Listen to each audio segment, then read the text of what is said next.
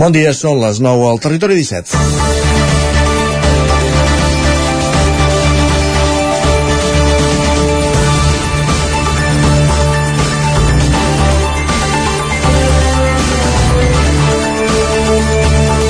Aquest matí d'aquí a pocs minuts Esquerra, el PSC i l'Alternativa per Ripoll CUP compareixeran davant els mitjans per donar els detalls del pacte que ha de permetre formar un govern alternatiu de set regidors que deixi el sis d'Aliança Catalana a l'oposició.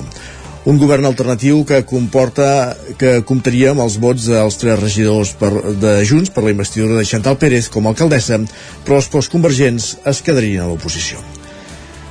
S'ha parlat molt i arreu de Ripoll en les darreres setmanes, però sobretot en les darreres hores, des de la piulada de diumenge de Laura Borràs, presidenta de Juny, que ara que no és presidenta del Parlament busca el protagonisme per altres vies. Borràs diumenge obria la porta a respectar que sigui la llista més votada qui governi a Ripoll, però recordava que l'última paraula la tenia el grup municipal, respectant l'autonomia local per evitar qualsevol dubte i que es pugui acusar la formació política de jugar amb l'extrema dreta i la direcció del partit va anunciar que Junts se sumava al pacte alternatiu de Ripoll, però de seguida es, es desmentia des del grup municipal reivindicant l'autonomia local. I a partir d'aquí, diverses consideracions. No, no s'hi val allò que només poden parlar de Ripoll els periodistes de Ripoll perquè són els que tenen el context. Cal obrir els ulls i veure què passa i què ha passat en altres llocs, perquè el cas de Ripoll no és únic. De fet, sí que és curiós com una taxa d'immigració que no arribi al 15% calin aquests postulats racistes i potser cal fugir de l'això ja ho solucionem entre nosaltres. El dret a l'autonomia local. Junts per Catalunya sí ho ha governat l'Ajuntament de Ripoll en els darrers 12 anys. Eren a l'Ajuntament quan va haver-hi els atentats i es va reaccionar amb solidaritat amb les víctimes però també amb les famílies dels autors. I eren a l'Ajuntament quan Aliança Catalana va obtenir el primer regidor. Es parla de cordó sanitari, però el que s'ha fet senzillament ha estat deixar que Oriol s'esplaiés sense rebatre amb dades i rigor els seus arguments. I el relat ha anat calant. Després de perdre 5 dels 8 regidors, no sé si junts, està en una posició de fer valer molt la seva força. I per responsabilitat no es pot deixar l'Ajuntament en mans d'un grup que no té projecte i ara el repte pel nou govern no serà fàcil que no serà fàcil és combatre el seu discurs amb arguments, posant solucions a possibles problemes que generin malestar entre els veïns i demostrar que des de la política responsable es poden abordar problemàtiques sense demagògia o mesures més pròpies de temps passats. Territori 17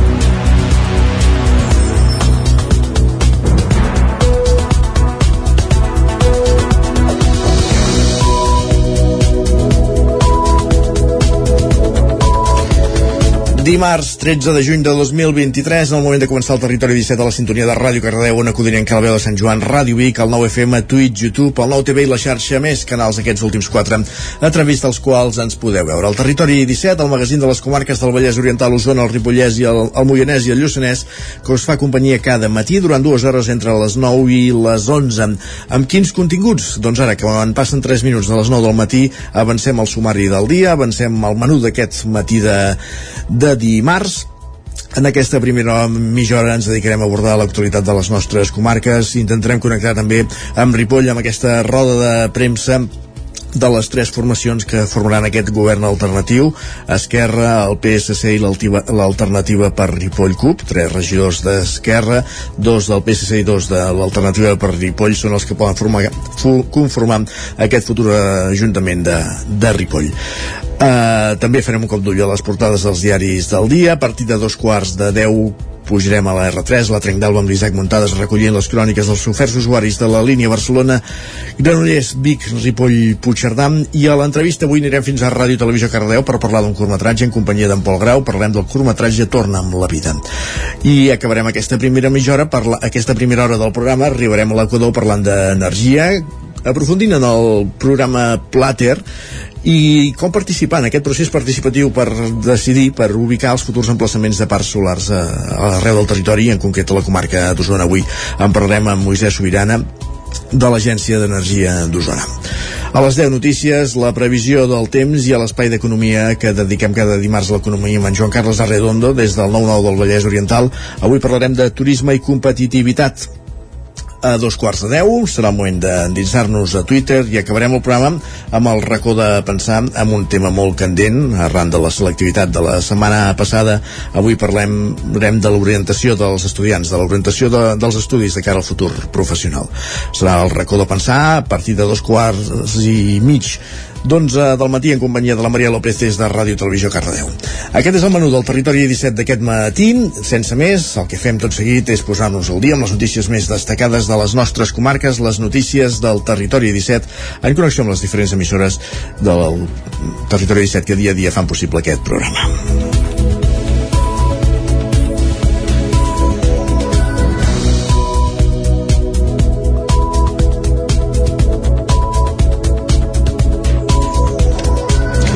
Com dèiem, es consuma el pacte dels partits d'esquerres a Ripoll per pressionar Junts perquè s'hi sumi amb el seu suport a la investidura. Isaac Muntades des de la veu de Sant Joan. Aquest dilluns al vespre, Esquerra Republicana de Catalunya, el PSC i l'Alternativa per Ripoll CUP van arribar a un acord per garantir la governabilitat de Ripoll en els pròxims 4 anys. En el breu comunicat explicaven que la població de Ripoll havia expressat la seva voluntat de canvi a les urnes i que davant la incapacitat d'aconseguir suports per governar d'altres formacions, van arribar a un acord per un govern progressista. Està previst que donin més detalls del pacte d'esquerres a un quart de 10 del matí en una roda de premsa conjunta a l'espai de la cooperativa. Aquest va ser l'últim episodi d'un dia frenètic en què molts mitjans de comunicació van donar per fet que Junts ja havia pactat donant els seus vots per la investidura, quan ni tan sols havia fet la reunió decisiva prevista per ahir al vespre. Una reunió que va saltar pels aires després que l'executiva de Junts hagués donat suport a mantenir el cordó sanitari a l'Aliança Catalana per tal que no governi Sílvia Oriols a Ripoll i d'aquesta manera barrar el pas a la formació identitària d'extrema dreta. Així ho expressava la porteu de Junts al Congrés dels Diputats, Míriam Nogueres, que s'encarregava d'esmenar la plana la polèmica piulada diumenge de Laura Borràs en què insinuava que calia deixar-los governar al ser la llista més votada. El posicionament de Junts que avui la presidenta R ha expressat a l'entrevista que ha fet aquest matí i a l'executiva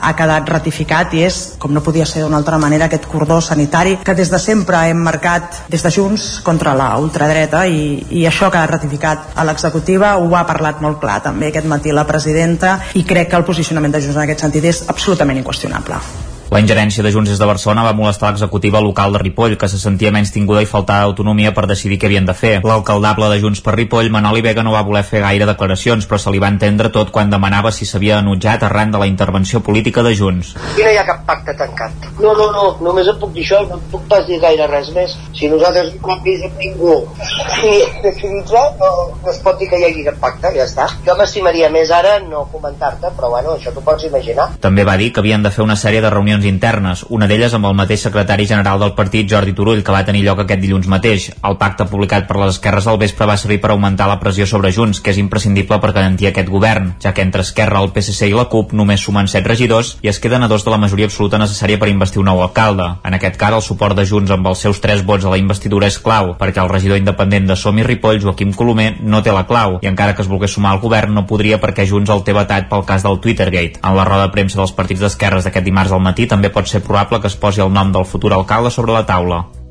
Doncs estarem pendents d'aquesta roda de premsa. De fet, hi connectarem d'aquí uns minuts quan comenci i a les 10 l'Isaac Muntades es posarà el dia amb la crònica en directe per repassar què s'ha recollit en aquesta roda de premsa, aquesta compareixença entre Esquerra, PSC i l'alternativa per Ripoll CUP que podria eh, signar aquest pacte de govern que permetria doncs, governar aquesta coalició els propers 4 anys a l'Ajuntament de, de Ripoll.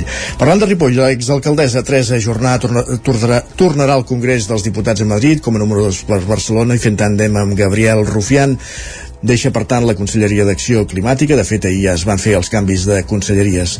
Isaac Muntades des de la veu de Sant Joan. L'actual consellera d'Acció Climàtica, Alimentació i Agenda Rural de la Generalitat de Catalunya la ripollesa Teresa Jordà serà la número 2 per persona de la candidatura d'Esquerra Republicana de Catalunya a les eleccions generals de l'estat espanyol que s'han de celebrar el pròxim 23 de juliol. Jordà deixarà el seu càrrec a la conselleria i farà tàndem amb Gabriel Rufián tal com va anunciar el president del Partit Republicà Oriol Junqueras en el Consell Nacional del Partit d'aquest dissabte. El Congrés dels Diputats no serà una novetat per Jordà, que ja va ser diputada per Girona del 2011 fins al 2018, en què va passar a ser la consellera d'Agricultura de l'aleshores govern format per Junts i Esquerra, en què Quim Torra ostentava la presidència. De fet, ella és de les poques persones que va mantenir el càrrec en el mandat de la presidència de Pere Aragonès. Jordà té una trajectòria política molt àmplia. Va entrar a l'Ajuntament per primera vegada l'any 1999 com a candidata d'Esquerra Republicana i després de 4 anys a l'oposició va convertir-se en alcaldessa del municipi del 2003 al 2011. Primer gràcies a un pacte tripartit amb el PSC PSC i Iniciativa, i després només amb els socialistes. Precisament aquest mes de juny es van complir 20 anys des que es va convertir en alcaldessa per primera vegada. Tot i no guanyar mai les eleccions, va aconseguir els millors resultats pels republicans al consistori amb sis regidors. A partir del 2011 i coincidint amb la seva primera etapa al Congrés, Jordà va tornar a passar a l'oposició i sobretot en el tram final no assistia gaire a plens del consistori. Com a candidat al Congrés per Girona va obtenir l'escó tres vegades a les eleccions del 2011, el 2015 i a les anticipades del 2016.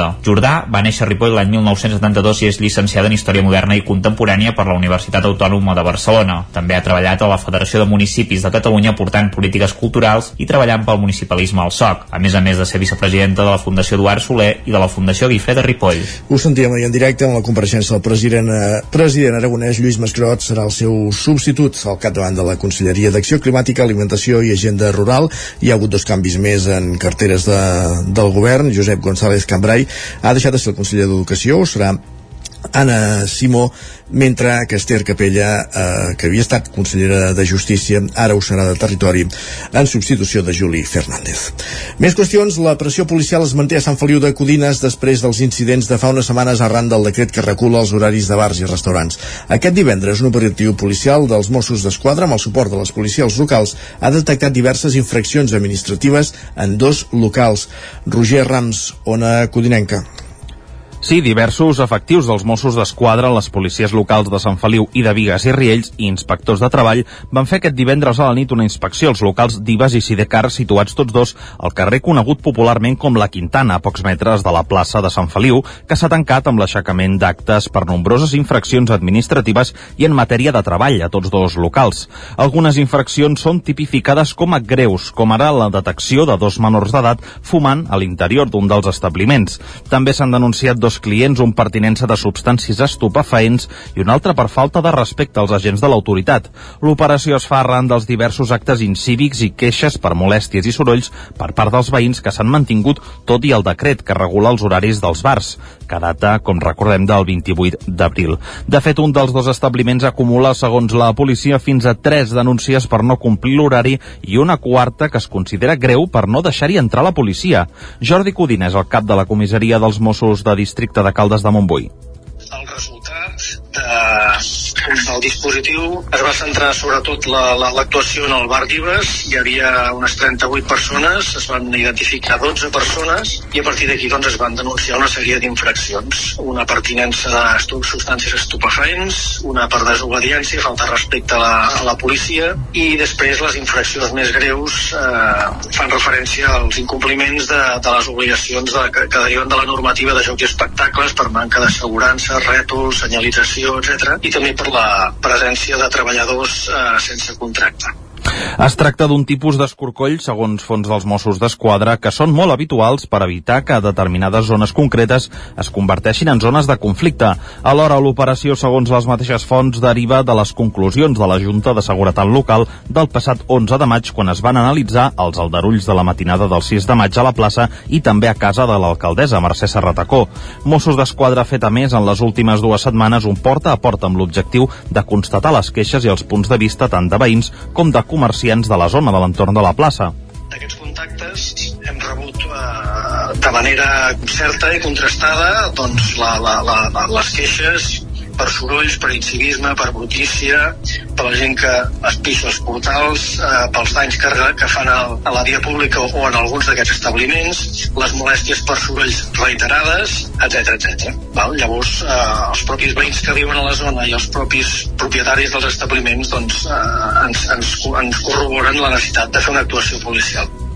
Els Mossos també han fet públic que han identificat quatre persones, una de les quals menor d'edat, pels aldarulls en la protesta contra el tancament dels bars i, com dèiem, l'atac a casa a l'alcaldessa, que va posar per, fe, per cert denúncia per aquests fets. Es tracta de tres persones amb domicili aquí a Sant Feliu de Codines i una quarta amb domicili a l'Hospitalet de Llobregat. Tot i que el seu grau de participació en els fets és divers, se'ls atribueixen delictes de desordres públics i o danys. I no deixem encara l'àmbit policial, Roger, perquè la policia local de Sant Feliu de Codines ha iniciat aquest cap de setmana un estudi de velocitat a la travessa urbana de la carretera C59 per mirar de reduir l'elevada sinistralitat. Doncs sí, al llarg de que tot aquest cap de setmana la policia local de Sant Feliu de Codines ha dut a terme un primer estudi de velocitat al tram urbà de la carretera C59 que travessa el municipi de nord a sud. Aquest estudi és conseqüència de les reiterades queixes per part dels veïns de la zona sobre l'elevada velocitat que els vehicles transiten per aquest tram i els accidents que provoquen, dos de greus en la darrera setmana. Carmelo Garrido és el cap de la policia local i explica que, al contrari del que es creia, pràcticament tots els vehicles que sobrepassen el límit de velocitat són locals. Els vehicles circulen a gran velocitat, no respecten el pas de vianants. Eh, hem enviat agents i estan fent un estudi per a veure fins a quin punt es respecta o no la velocitat. A hores d'ara han fet un, un parcial d'uns 200 vehicles, dels quals tots els que han passat de la velocitat permesa eh, són de Sant Feliu. I bueno, pues, evidentment es parlarà en un futur per, per veure com es pot fer per reduir ja la, en aquests trams la, la velocitat. Una de les principals queixes que fa el consistori codinenc és que al ser aquesta via de titularitat catalana no se'ls permet instal·lar sistemes de reducció de la velocitat com ara ressalts o pilones per tal de mitigar aquests excessos de velocitat. Gràcies, Roger, i encara no ens movem del Vallès Oriental perquè el primer secretari del PSC, Salvador Illa, ha visitat la nau de Llinars del Vallès i la llar residència Lluïsa Ullem a Cardedeu de la Fundació Viver de Belllloc. Pol Grau, Ràdio Televisió Cardedeu. El primer secretari del Partit Socialista, Salvador Illa, visitava la Fundació Viver de Belloc per conèixer què s'està fent i com s'està treballant des de la Fundació. Acompanyat del portaveu del Partit Socialista de Cardedeu, Josep Quesada, així com els quatre regidors que tindran el nou mandat del PSC i d'altres simpatitzants. Illa visitava la nau del Viver del a Llinars del Vallès i la llar residència de Lluís Auller, així com el centre ocupacional. Important del nostre programa precisament és el tema de l'accessibilitat i la inclusivitat a totes, les, a totes les persones. Això és una part molt important i que nosaltres li podem donar molta importància. Fins i tot, uns dies abans de, de les eleccions municipals vam, vam vindre a parlar amb en Manel Palau i amb, i amb en Carles anteriorment per explicar-nos quines necessitats i quins projectes teníem doncs, per mirar de, en arribar que nosaltres eh, arribéssim, assolíssim entrar govern de, de Cardeu, doncs, poder implementar projectes amb el centre ocupacional i amb, el, i amb la Fundació. En aquesta visita, treballadors de la Fundació Viver de Belloc i el seu gerent, Carles Sopenya, han pogut explicar i donar a conèixer dels projectes de futur, reptes i problemàtiques de la Fundació, així com el nou centre ocupacional del Viver del Belloc, l'Esqueix. És un centre petit que no, només podran venir eh, 16 persones i en principi ara ens han concertat 12 però pensem que, que arribarem a les 16 persones o, o, o arribarem a omplir-lo al 100% tenint en compte que tenim altres persones fet demanda persones de, de, de Cardedeu o de localitats del voltant que estan anant cada dia fins inclús alguna persona fins a Badalona i les hores que ens han demanat de poder venir aquí per estar a prop de casa que és un dels objectius de, del nostre centre que les persones puguin estar ateses al costat de casa seva el centre ocupacional L'Esqueix té previst obrir les seves portes al setembre i donar un servei d'atenció diurna amb l'objectiu que les persones que puguin assolir la seva màxima inclusió a través d'un programa individual de suports. Gràcies, Pol. Acabem aquí aquest repàs informatiu que començàvem al punt de les 9 en companyia de Sergi Vives, Isaac Muntades, Roger Rams i Pol Grau. És moment al territori 17 de saludar el nostre home del temps, en Pep Acosta.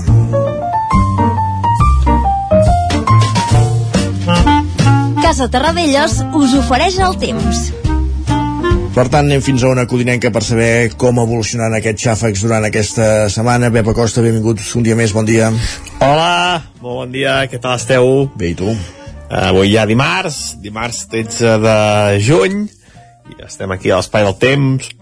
Un temps que ahir em pensava que hi havia més tempestes, em pensava que seria uh, més plujós el dia. Al final de les comarques, molt poca pluja, molt poca precipitació, es va concentrar la pluja cap a les Terres de l'Ebre i també cap a l'Empordà.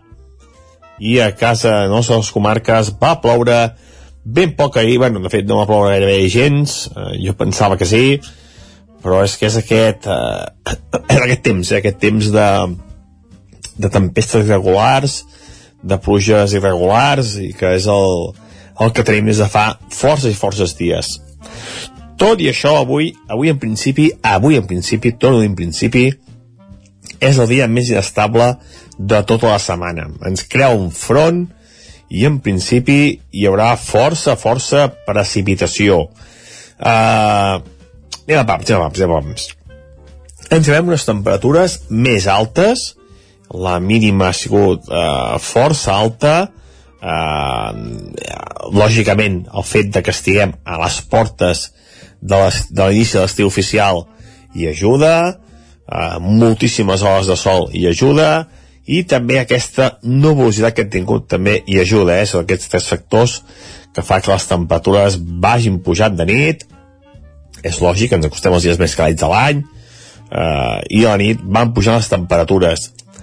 Eh, forces núvols, com deia, durant el matí hi ha alguna primera tempesta, però serà de canvis i de la tarda eh, quan cada vegada els ruixats seran més importants, eh, més intensos i més extensos.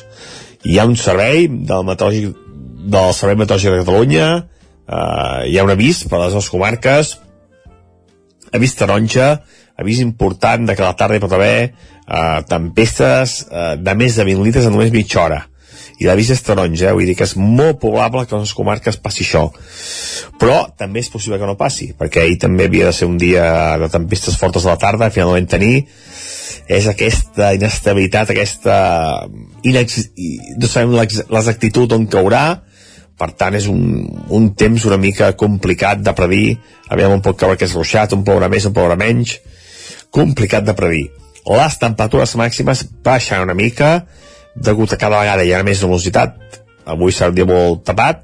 Les temperatures màximes la majoria entre els 23 i els 27 graus. Temperatures eh, molt a ratlla. De moment no es veurà nada calor per enlloc.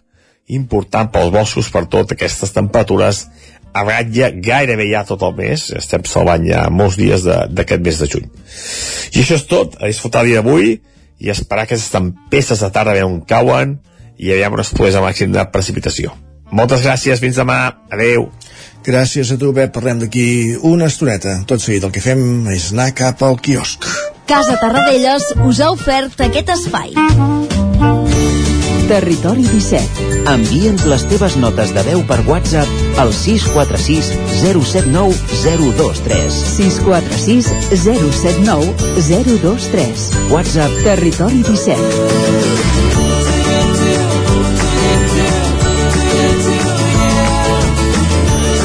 Territori 17. Som a Facebook, Twitter i Instagram amb l'usuari Territori 17.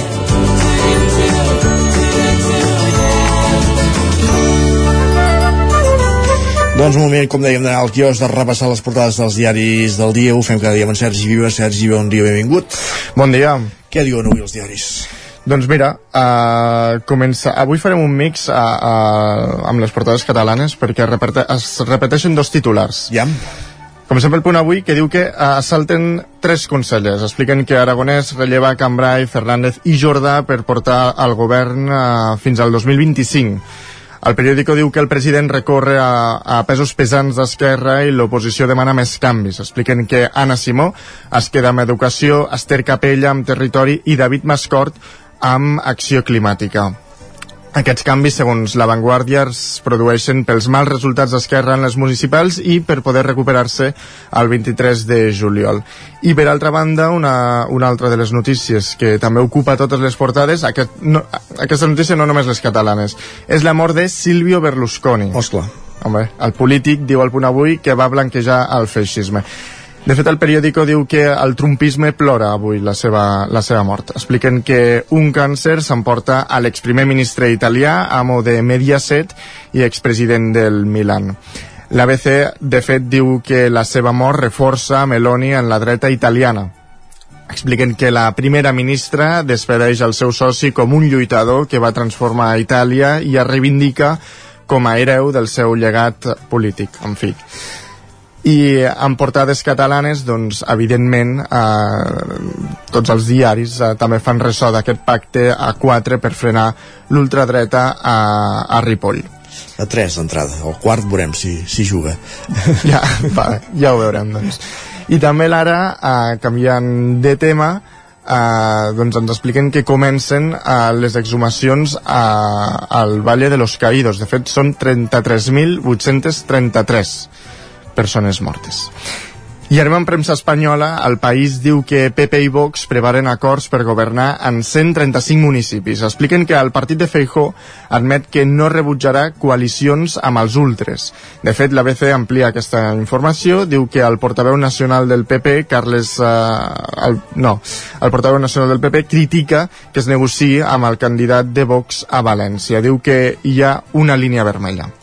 Carai. El Mundo, de fet, diu que Vox amenaça el PP en repetir eleccions si intenta vetar els seus, els seus candidats. L'ABC també diu que Feijo situa la seva cúpula als primers llocs i renova el 75% dels caps de llista pel 23J, amb un 44% de dones. I seguint en política, el país explica que la vicepresidenta del govern, Nadia Calviño, reclama un debat amb el responsable d'Economia del Partit Popular. I també diuen que Santos Maraver, l'actual ambaixador de la ONU a Espanya, serà el número 2 de Yolanda Díaz a Madrid. El Mundo precisament diu que al començament de campanya de Díaz s'enverina amb el boicot de Podem per incloure a Irene Montero a les llistes. Expliquen que Pablo Iglesias i el partit ataquen a la líder de Sumar uh, per reforçar-la a incloure per forçar-la a incloure la ministra d'Igualtat. La Razón diu que la Unió Europea arriba a un acord sobre la llei Rider europea amb l'abstenció d'Espanya. Expliquen que el govern considera que la norma és insuficient. La ministra de Treball senyala que aquesta nova legislació europea està fora del sentit comú i és difícilment comprensible en termes democràtics. I altres titulars que em deixen avui les portades són, per exemple, El País, eh, amb aquest acabem amb futbol, diu que Alexia Putellas entra a la prellista del Mundial i el seleccionador recupera Bonmatí, Caldentei i Batlle de les 15 que van firmar una carta de renúncia. Expliquen que Bilda, el seleccionador, ofereix la convocatòria per un amistós previ al torneig d'Austràlia i Nova Zelanda doncs s'assigna la pau al futbol femení, si més no per disputar el Mundial, i Sí. veurem com, què passa després. Uh, repassem ràpidament digitals, l'edició del 99.cat d'Osona i el Ripollès. Doncs mira, això que comentàvem, Esquerra, PSC i CUP anuncien pacte a Ripoll per evitar l'extrema dreta independentista, però sense Junts. I a l'edició del Vallès Oriental? Doncs que la Generalitat ha obert 43 expedients a grans tenidors per no oferir lloguer social. Doncs moltíssimes gràcies, Sergi. El, A que tu. fem, el que fem tot seguit al Territori 17 és una petita pausa, però tornem de seguida eh, pujant el tren a la Tren d'Alba a l'R3 i després parlant de, de Torna amb la vida, un curtmetratge a l'entrevista en companyia d'en Pol Grau de, de Ràdio de la Visió Cardedeu i entrevistant un dels responsables d'aquest- d'aquest curtmetratge. Per tant, pausa, 3 minuts i tornem amb la resta de continguts previstos en aquest matí de dimarts. El nou FM, la ràdio de casa, al 92.8. Davant l'escassetat hídrica, fem un consum responsable de l'aigua, perquè cada gota que estalviem serà una gota més per al planeta. No et quedis sec. Tanca l'aixeta. Akbar amb tu.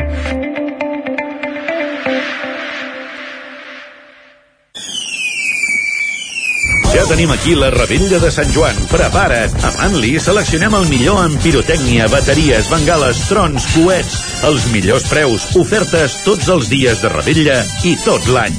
Visiteu el catàleg a manli.cat.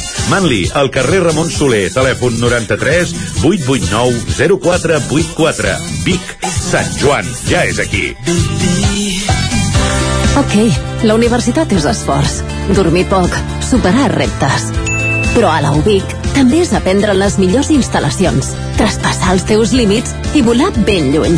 Estàs a punt per començar la millor època de la teva vida? Escriu-nos i parlem del teu futur. ubic.cat barra cadem.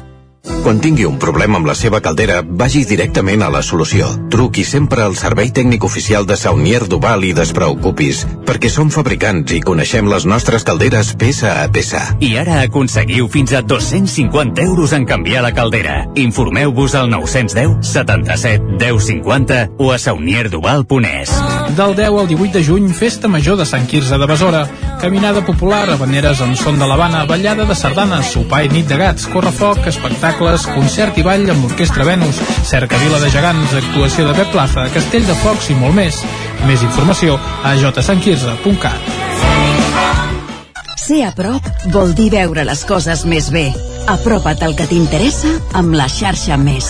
la teva plataforma audiovisual de qualitat, proximitat i gratuïta. Gaudeix dels continguts de més de 30 televisions locals i podcast quan, com i on tu vulguis. Entra a la xarxa més.cat i descarrega't l'app. Cocodril Club. Si t'agrada la bona música dels anys 60, 70 i 80, escolta el 9 FM als matins de dissabtes i diumenges d'11 a 1. És el temps del Cocodril Club, tot un clàssic de la ràdio, amb les bases del pop-rock, les llegendes, les cançons que s'han convertit en autèntics himnes. Recorda, dissabtes i diumenges al matí, d'11 a 1, al 9 FM 92.8. Cocodril Club, el programa revival de l'Albert Malla. Hasta luego, Anuncia't al 9FM. La màquina de casa. 9 3 8 8 9 4 9 4 9. Publicitat arroba al 9FM.cat. Anuncia't al 9FM.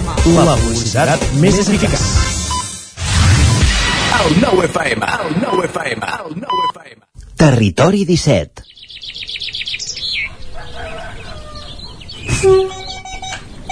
A Tren d'Alba.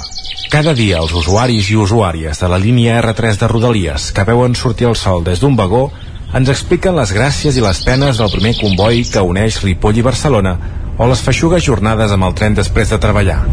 Benvinguts a Tren d'Alba. Doncs bé, com ja sabeu, amb la remodelació del govern de la Generalitat de Catalunya d'ahir hi ha alguns canvis importants. Per exemple, la Conselleria de Territori, que bàsicament és la que afecta els trens. L'exconsellera Esther Capella va prendre el relleu a Juli Fernández, que ha durat com un embaràs, uns 9 mesos. La consellera deia que esperava estar a l'altura. A més a més, va rebre la tradicional miniatura d'un tren dels ferrocarrils de la Generalitat i va assumir el repte d'aconseguir el traspàs de Rodalies. D'il·lusió també es viu. La miniatura d'un tren de l'R3 no li van donar perquè va arribar tard. Va, us deixo ja amb la crònica d'en Jordi Valls. Bon dia, sóc en Jordi de Centelles. Avui hem sortit tard i no sabem si arribarem. Ahir va haver trens que arribaven minuts, eh, 90 minuts tard perquè hi havia actos incívicos a les franqueses. Aquest matí sembla ser que els actos incívicos són un problema de senyalització. Els companys del primer tren van ben bé tres quarts d'hora, una hora tard i nosaltres que anem al segon tren no sabem quan. Amb ells no ens han informat. Nosaltres, sort del maquinista que ens ha informat. La gestoria, o sigui, Rodalies, no diu res, ni amb el sistema automàtic ni res. Per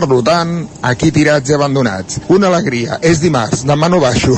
Bé, la veritat, us vull explicar coses guais i divertides, però és com molt complicat. Nota de servei. Qui hagueu de baixar de Vic cap a baix a Barcelona, busqueu sistemes alternatius perquè això no pita. Res més. Vinga, ànims i espero un cafè quan arribi a casa a Barcelona. Adéu-siau. Quina vergonya això que estigueu aturats un altre dia i ara per problemes de senyalització. Entenem que els actes incívics es puguin arribar a justificar, però és que el problema és que són un tant per cent molt petit de tots els problemes que té Rodalies. Va, ens retrobem demà amb més històries del tren i de la R3. Territori 17, el 9 FM, la veu de Sant Joan, Ona Codinenca, Ràdio Cardedeu, Territori 17. Dos minuts que passen de dos quarts de 10 del matí.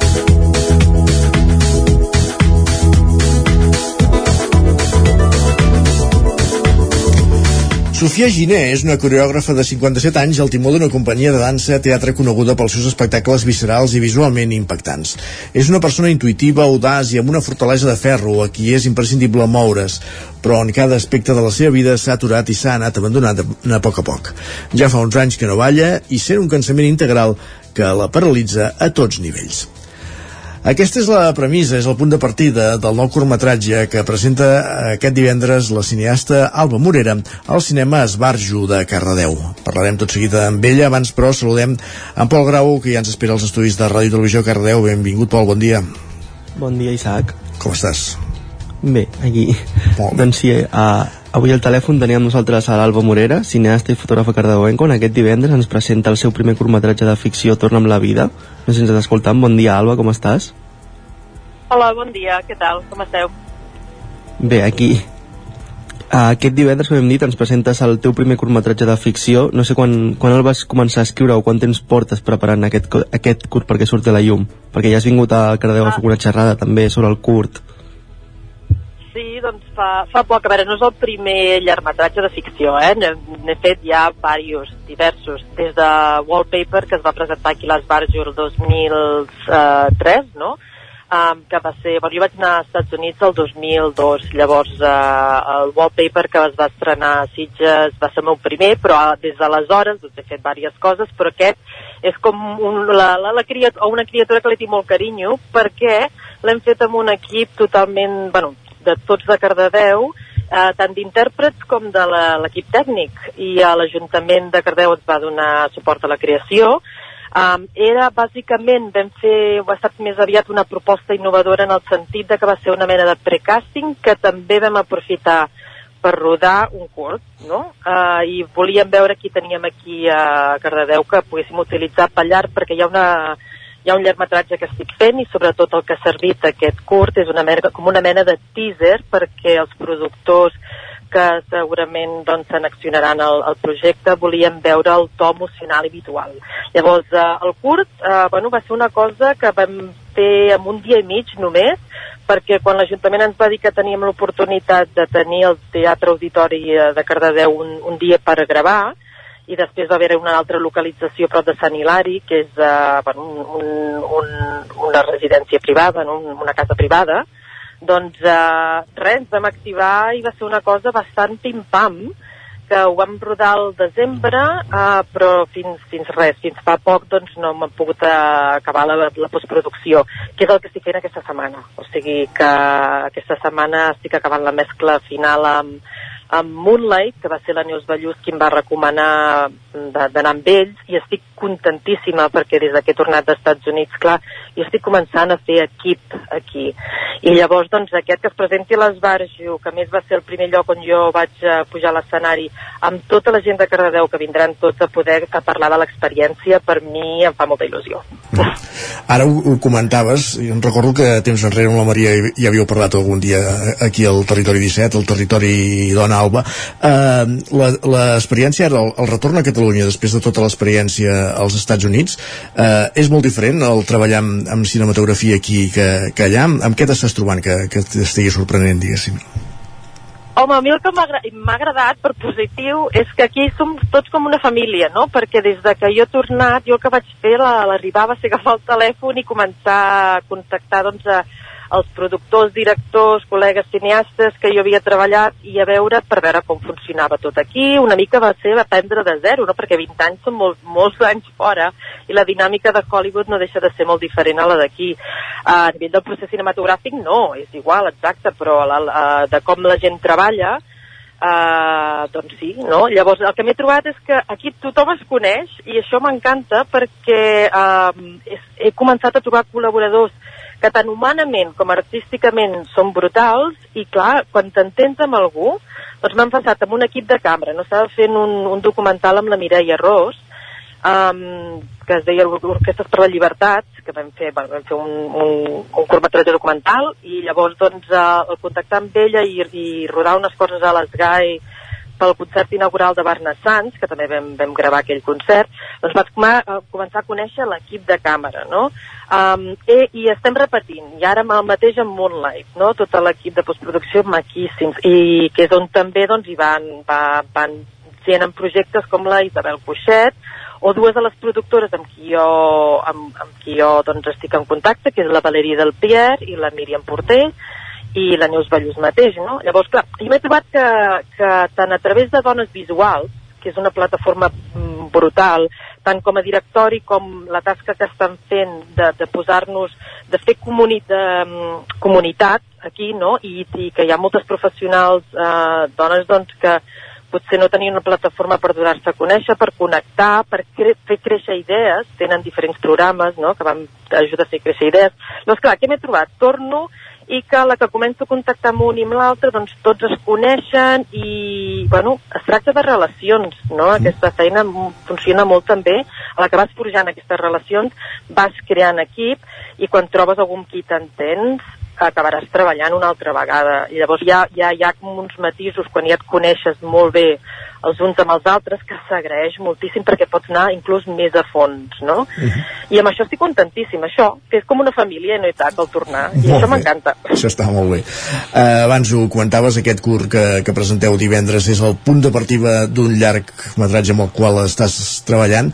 Uh, a, nivell de, a nivell de finançament, uh, com, com ho portes, diguéssim, perquè no sé si és fa, senzill trobar el finançament Sí. per fer una pel·lícula, com, com ho esteu treballant? Bueno, les pel·lícules port, poden portar inclús anys a alçar-se, no? Això ja ho saps. Però aquest projecte, des que he arribat, ha rebut molt carinyo i, eh, a veure, jo el, ja tinc un guió uh, que ja està madurat, uh, també um, un dossier, um, vam fer una, un parell de sessions creatives amb la Marta Carrasco, que farà la coreografia, de, de llarg i que, que pel curt no només va fer la coreografia que ens vam, vam currar molt, sinó que també li vaig demanar de fer de prota perquè és una persona que entén perfectament el personatge i amb bastants punts de contacte amb la seva trajectòria, no?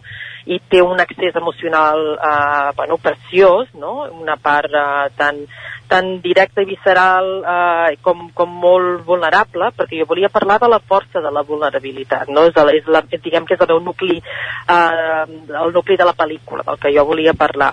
Llavors, eh, doncs el finançament, bàsicament a la peça que ens faltava era aquest curt, val? perquè volíem veure aquest to, a part de que ja havíem vist el, el dossier amb unes imatges eh, molt expressives que ja denotaven una mica el to del món de la història, no? Eh, el guió en si, eh, tot, tot el tractament que havíem fet, doncs faltava una referència visual específica, no? I per això aquest curt ha estat tan maco, on també va haver-hi molta cohesió, perquè vam fer una, bueno, vam fer una, com una selecció de gent, no només de, no, no és una companyia de dansa contemporània, que és el que tothom s'imagina així d'entrada, és de dansa-teatre, perquè per mi la teatralitat i l'emoció era molt important, eh, a part del moviment, no? I llavors hem buscat gent tant del teatre físic com del circ, eh, com de, de la dansa, d'actors que venen més del teatre, i bueno, aquí, aquí tenim un, un talent impressionant a Cardedeu i hi ha, hi ha hagut troballes com la Laura Miralbés no? Que, i, bueno, i altra gent que, que ja els hem agafat pel llarg llavors eh, ha estat molt bueno, la, la, la, el, el finançament bàsicament estem en el punt en què jo ensenyaré això als productors jo estic tractant amb l'Edmond Rock amb la Míriam Porter i la Valeria del Pierre eh, que estàvem intentant arribar a les subvencions d'aquest any, que són el, a les subvencions de l'ISEC, i les de l'ICA són, són al maig, d'acord? Llavors, aquest any, com que mm, eh, eh, no està... Normalment, aquests productors s'emparaulen d'un any per l'altre amb un projecte, perquè has de fer la preparació, el pressupost, el pla de finançament, aquestes subvencions, doncs hi ha tot una, un protocol que s'ha de presentar i amb temps. Llavors no hem arribat aquest any, eh, tot i que la, això ens va portar que, bueno, vaig intentar últim moment, eh, inclús la Isona Passola s'està llegint el guió, però jo tornaré als, als principals, que són els que t'he dit, per ensenyar el curt, i un cop eh, tinguem eh, un d'ells ja han accionat definitivament, el que fem és que com a equip director eh, productor és quan presenta les subvencions, que serà al maig, d'acord? Llavors, eh, si, ens, si ens diuen que sí, perquè les subvencions jo tinc ja molts punts pel fet de ser eh, guionista i directora dona, pel fet de tenir un 40% de l'equip eh, dones, eh, en posicions que normalment no hi són, no? Uh, també que el fet de que serà el meu primer llargmetratge de ficció. Això sí que serà el meu primer llargmetratge de ficció Sí, perquè primer jo he fet documentals Sí, sí, sí. De curs n'he fet la tira. I, de- i, de, I de vídeos i de videoclips i tot, no? Però um, allà a Hollywood, com a directora, et veuen com a risc i costa molt arrencar els primers projectes de ficció. Hi ha, de fet, només un 5% de dones allà. Imagina't amb tots els anys d'història, només dos dones han estat nominades als Oscars, una australiana, la Jane Campion, i, i després la, la que va fer el Hard Locker, no? La, ara se m'escapa el nom, tu. Però, um, doncs, doncs uh, uh, un cop tinguem ja productor, llavors ho presentem i doncs, tots els meus col·legues cineastes m'han dit seria molt estrany que no t'ho donguessin perquè tens tots els números, tens tots els punts, no? Llavors, eh, això quan ens diguin que sí, seria per rodar la, la tardor que ve, clar. Tot això va a llarg termini, ja t'ho dic. No, no és el cinema, els llargmetratges no són immediats, no? Porten com a Sí, sí. mínim d'un a dos anys de la teva vida a la part de l'execució. El finançament ni te cuento. Ja ho saps que vas trucant a portes fins que trobes el, el company o companya d'aventura adequat. I va ser l'Edmond, no Rock, i amb qui confio molt, que vaig començar a treballar la primera pel·lícula meva va ser amb el Peter Greenaway i ell, com a productor, i ell em va dir, mira, pel teu tarannà i la teva sensibilitat, vés a la Míriam Porter o vés a la Valerie, i això és el que estic fent. Però em faltava el curt, no? I ara el curt el tenim. Llavors, a part de l'estrena i que farà el circuit de festivals, és sobretot pel llarg, per poder finançar-lo. O sigui, finançar-lo, de- mira, a veure, no, no m'enrotllo més, però que sàpigues, Pau, bàsicament les subvencions ja et donen d'un 70% si tens tots aquests punts i després amb TV3 o amb Televisió Espanyola i els drets d'antena ja, ja és el 30% restant. Per tant, ja estaria tot finançat d'aquesta manera, amb la subvenció i els, els drets d'emissió. És la carta de presentació aquest curtmetratge per poder fer el llargmetratge també d'aquest mateix curt però més llarg. Ja... Sí, sí, Vas- sí. has dit que vas rodar-lo escrit, eh? Ah, ja està escrit. Sí, sí, sí, el guió està fet i és el que s'han mirat tots aquests productors. Llavors, què passa? El, el, com que jo acabo d'arribar, i a part de que he fet altres coses, aquest té un to molt directe, molt punyent, i inclús cru, és un món íntim, poètic i cru a la vegada, no? Explosiu. Llavors volíem veure el to, perquè clar, una cosa és que saben Espera que ens quedem sense temps, jo- ens quedem sense temps, Salva, de, per l'entrevista. Has dit que vas gravar-lo al desembre ràpidament en un dia i mig. No sé com és gravar-lo de quilòmetre zero, gravar-lo aquí a Cardedeu, amb actors de Cardedeu, i poder presentar-lo aquí a Cardedeu. a mi em fa una il·lusió brutal i el que em fa més il·lusió d'aquest divendres és que la majoria d'ells vindran i podran parlar de l'experiència, no?, del que això va implicar, i tots es van tirar, el que et deia que va haver-hi molta cohesió, ni ells havien treballat mai amb la Marta, a veure, hi havia un parell de persones que sí, però la gran majoria ni els coneixíem nosaltres, ni jo com a directora, ni la Marta com a coreògrafa, i llavors, clar, ens vam fer una sessió que s'hi van tirar tots i estic contentíssima, va haver-hi màgia, no? va haver-hi aquella connexió i tothom va anar més enllà. Llavors, clar, has de crear un ambient favorable perquè la gent t'ho doni tot, inclús més del que ells pensen que poden donar. I això es va donar i llavors ens hem quedat amb molta gent d'aquí a Cardedeu, que pel llarg els tenim en compte. O sigui que ha estat brutal, ha estat molt maco. I eh, bueno, jo crec que el fet de compartir-ho amb la gent del poble i més enllà de la comarca, clar, el divendres és important, per tots, per tot l'equip, perquè una pel·li no es fa, no es fa amb una persona, eh? es fa amb, un, amb, amb tot un equip, bèstia de gent, i això estic super agraïda a tothom que s'ha implicat i que va creure en el projecte. Perfecte, doncs Alba Morera, moltíssimes gràcies per atendre'ns aquest matí a- al Territori 17, que vagi molt bé aquesta estrena d'aquest curtmetratge i el camí per arribar a aquest, a aquest primer llargmetratge de, de ficció, que, que serà llarg però segur que serà intens i, i prometedor. Moltíssimes gràcies per acompanyar-nos a- aquest matí aquí al Territori 17 i que vagi bé també di, divendres. Moltes gràcies a vosaltres per invitar-me. Bon dia. gràcies i que vagi bé el programa. Gràcies, Adéu, bon bon dia. dia. Gràcies també, Pol, per acompanyar-nos un matí més aquí a l'antena del Territori 17. Parlem d'aquí una estoneta. Fins ara. Fins ara.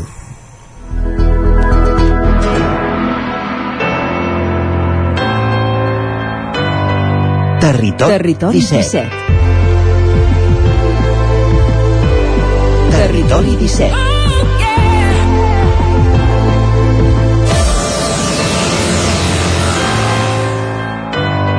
Territori, Territori 17. 17. Territori 17.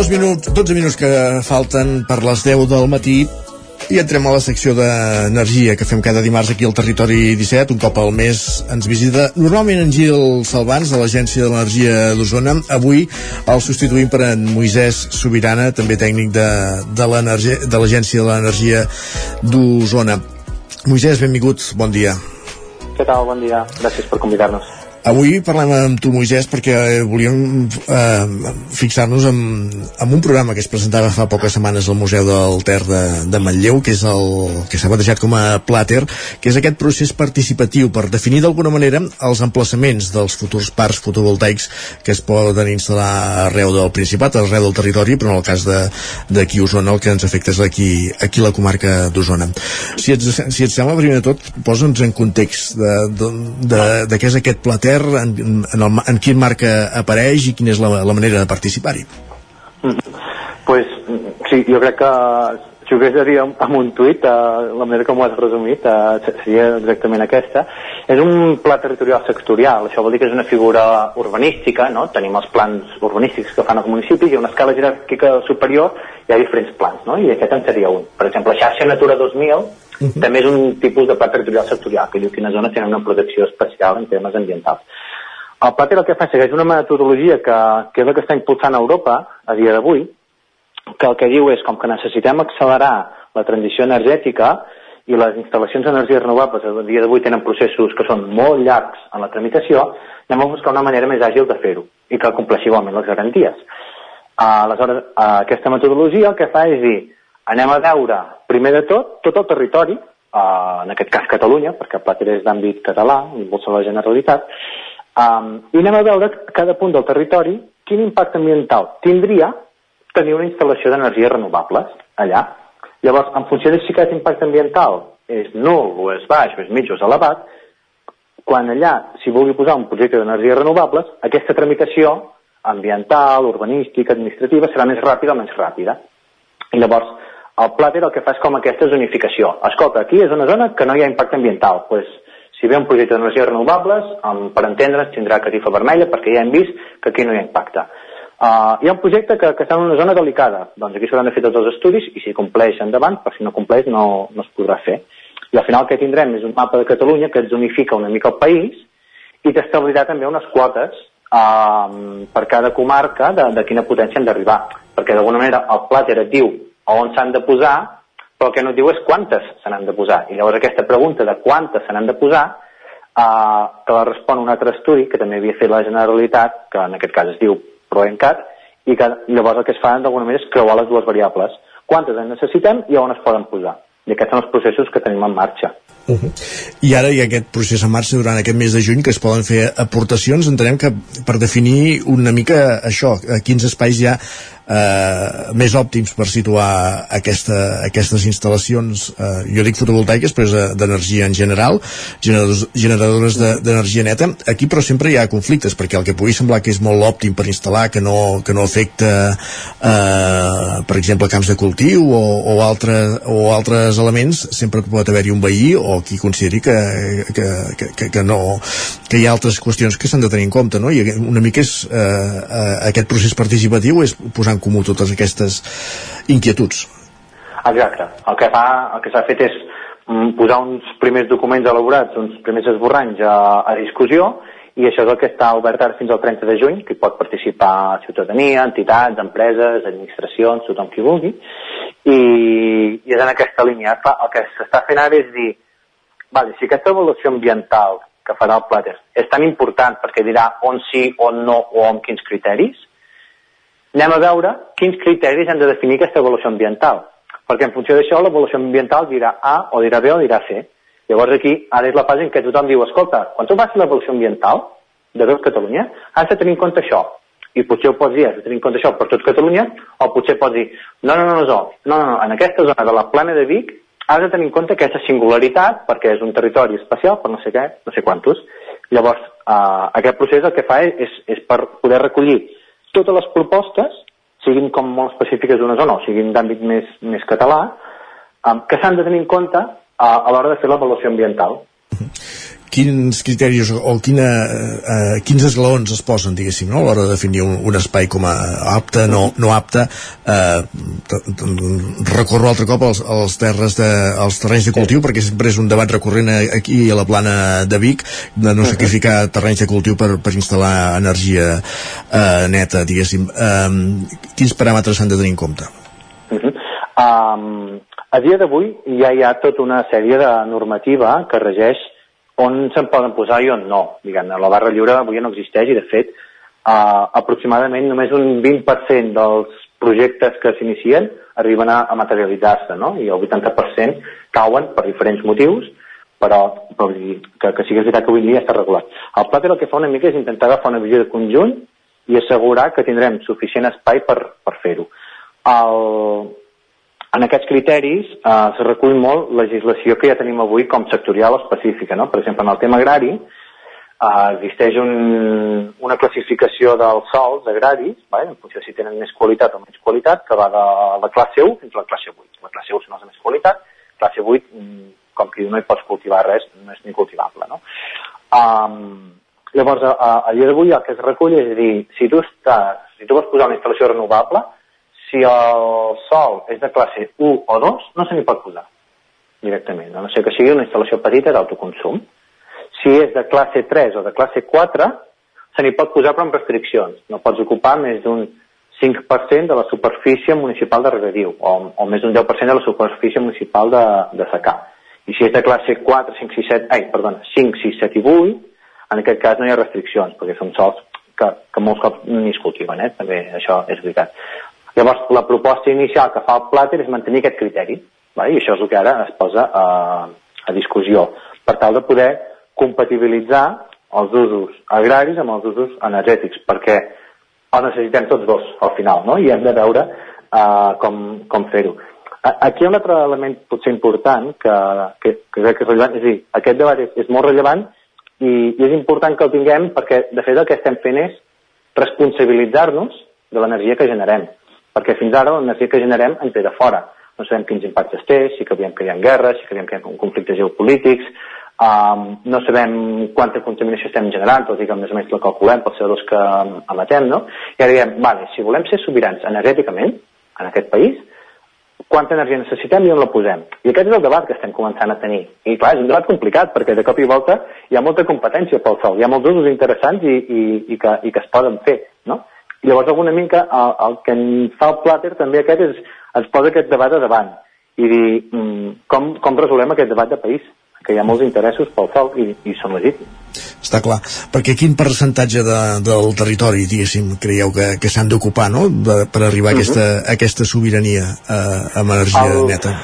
El, els estudis fets en, en, aquesta, en la ProEncat, uh, que, que, que estudia com fer aquesta transició energètica d'aquí al 2050, amb una sèrie de- d'hipòtesis, parlen uh, d'entre un 1,5 i un 2,5% del territori. Vale? És un percentatge important. Per fer-nos en una idea, la superfície urbanitzada de Catalunya no arriba al 6%. I aquí estem parlant del voltant d'un 2%, és a dir, és un percentatge molt, Molt alt. important, no? Molt alt.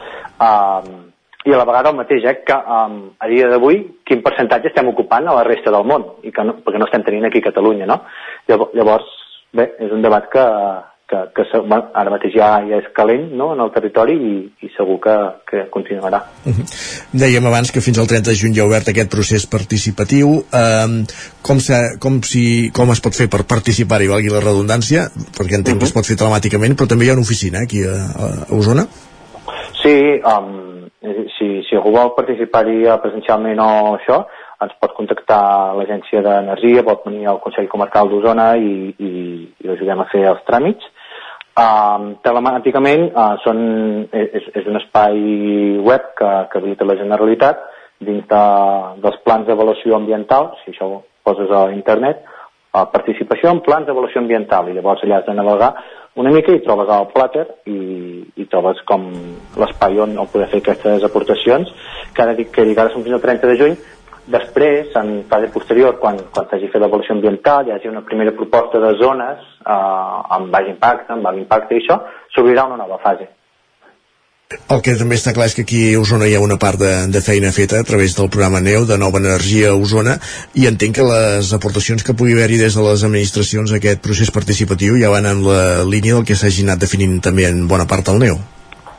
Clar, aquí és, efectivament, eh, si juguen diverses coses, no? I llavors és, quan, si aquí hem analitzat una mica com iniciar aquest camí de transició energètica, doncs és interessant que això es pugui recollir, no? Uh, per exemple, en el, en el NEO uh, es parla de, doncs, de que cada municipi pugui tenir un parc solar de, de mida mitjana d'uns 5 megawatts. És un, és un promig, n'hi haurà que podran ser més, n'hi haurà que podran ser menys, no? De la mateixa manera doncs, que, que això pugui estar liderat, no? a la mesura possible, per administracions locals, per comunitats energètiques, per teixit local. Um, llavors, tot això intentarem uh, posar-ho en valor. De la mateixa manera que hi ha hagut municipis que recentment han modificat el seu planejament urbanístic per regular on posar plantes fotovoltaiques. I això, de fet, inclús per fer-ho, t'ho ha d'aprovar la Generalitat, no? Doncs, doncs que això també es tingui en compte um, a l'hora de poder uh, tirar endavant el Plater. Doncs el Plater, aquest procés participatiu per definir espais on ubicar instal·lacions de generació d'energia neta. Eh, N'hem parlat amb el Moisès Sobirana de l'Agència de l'Energia d'Osona. Moisès, moltíssimes gràcies per atendre'ns eh, avui dimarts. A vosaltres, bon dia. Bon dia. I nosaltres que avancem al territori 17, arribem al punt de les 10, serà moment d'actualitzar-nos, de posar-nos al dia amb les notícies més destacades de les nostres comarques.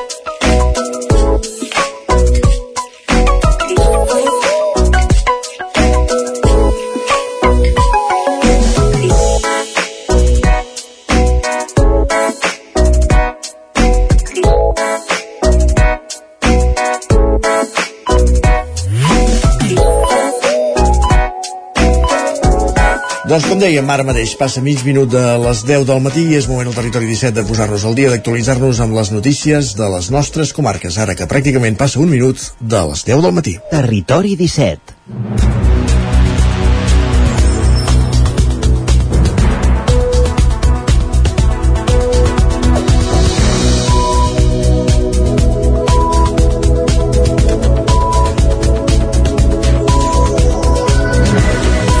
Notícies a les 10, moment d'actualitzar-nos en connexió amb les diferents emissores que dia a dia fan possible aquest programa, on acudinem que la veu de Sant Joan, Ràdio Cardeu, Ràdio Vic, el 9FM, ens podeu veure també a través de Twitch, YouTube, el 9TV i la xarxa més per explicar-vos aquesta hora les notícies de les nostres comarques, el Vallès Oriental, l'Osona, el Ripollès, el Moianès i el Lluçanès. Un cop acabin les obres de reforma i millora de les urgències, la primera prioritat pel que fa a la millora de les instal·lacions de l'Hospital Universitari de Vic seran les consultes externes. Així ho assegura Sara Manjón, gerent del Consorci des del setembre de 2021 i que també s'ha convertit en la gerent de la Fundació Hospital de la Santa Creu en el procés d'integració de les dues institucions.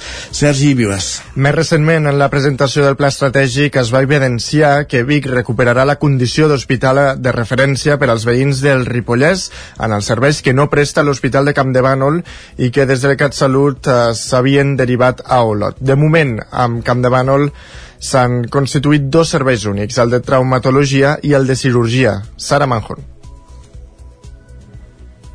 I estem treballant, per això tenim una direcció assistencial única i amb trauma que va començar mitjans d'abril i en el cas de, de cirurgia que ha començat ara a principis de, de juny, treballant amb aquesta sintonia, amb aquesta idea de dir, escolta'm, al final ha d'haver-hi una única visió des del punt de vista de l'atenció.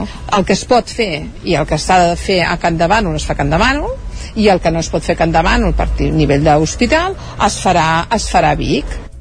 Segons Manjón, les obres per ampliar i millorar les urgències de l'hospital van en el termini previst. La propera actuació d'envergadura que caldrà, tra, uh, que caldrà plantejar, diu, és la reforma de les consultes externes. La possibilitat de traslladar l'hospital en un nou edifici que s'havia valorat ara no està sobre la taula.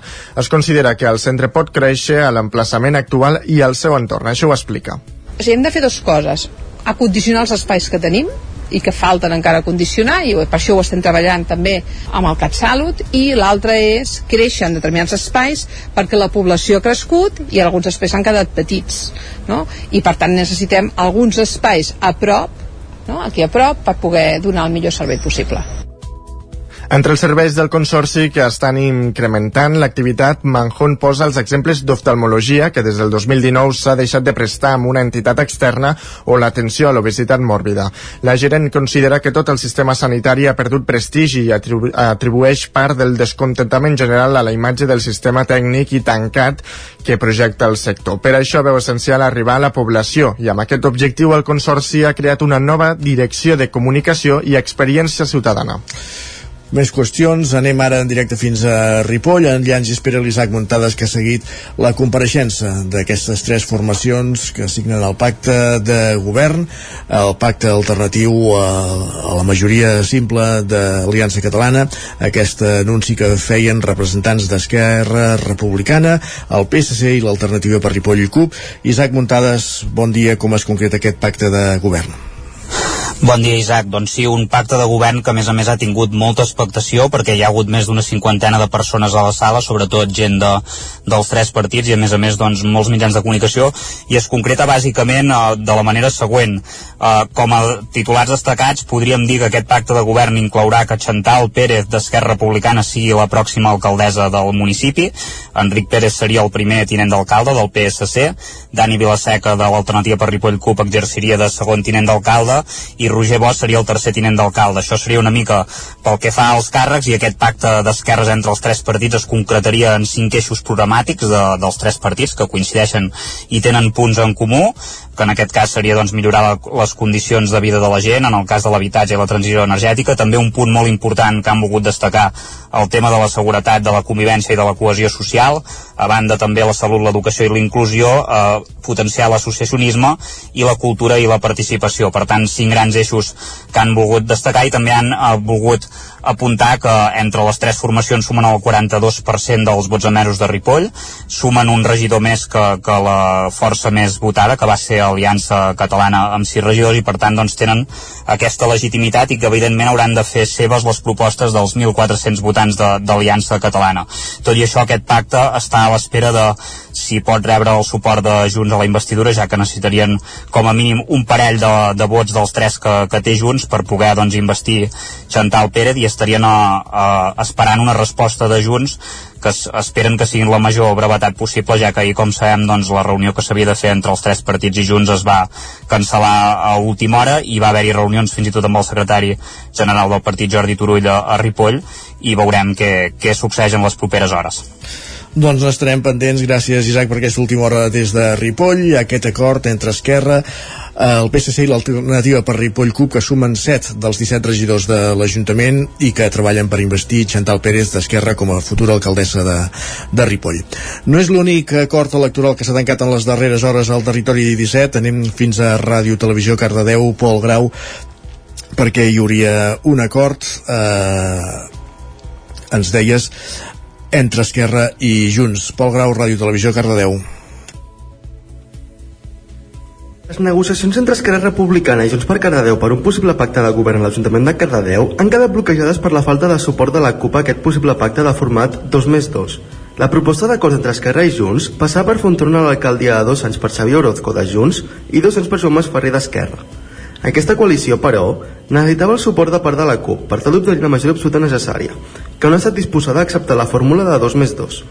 El suport per part de la candidatura Unitat Popular era condicionat a la privació d'algunes de les seves mesures del programa electoral i el suport per la investidura únicament del candidat d'Esquerra pels 4 anys de govern.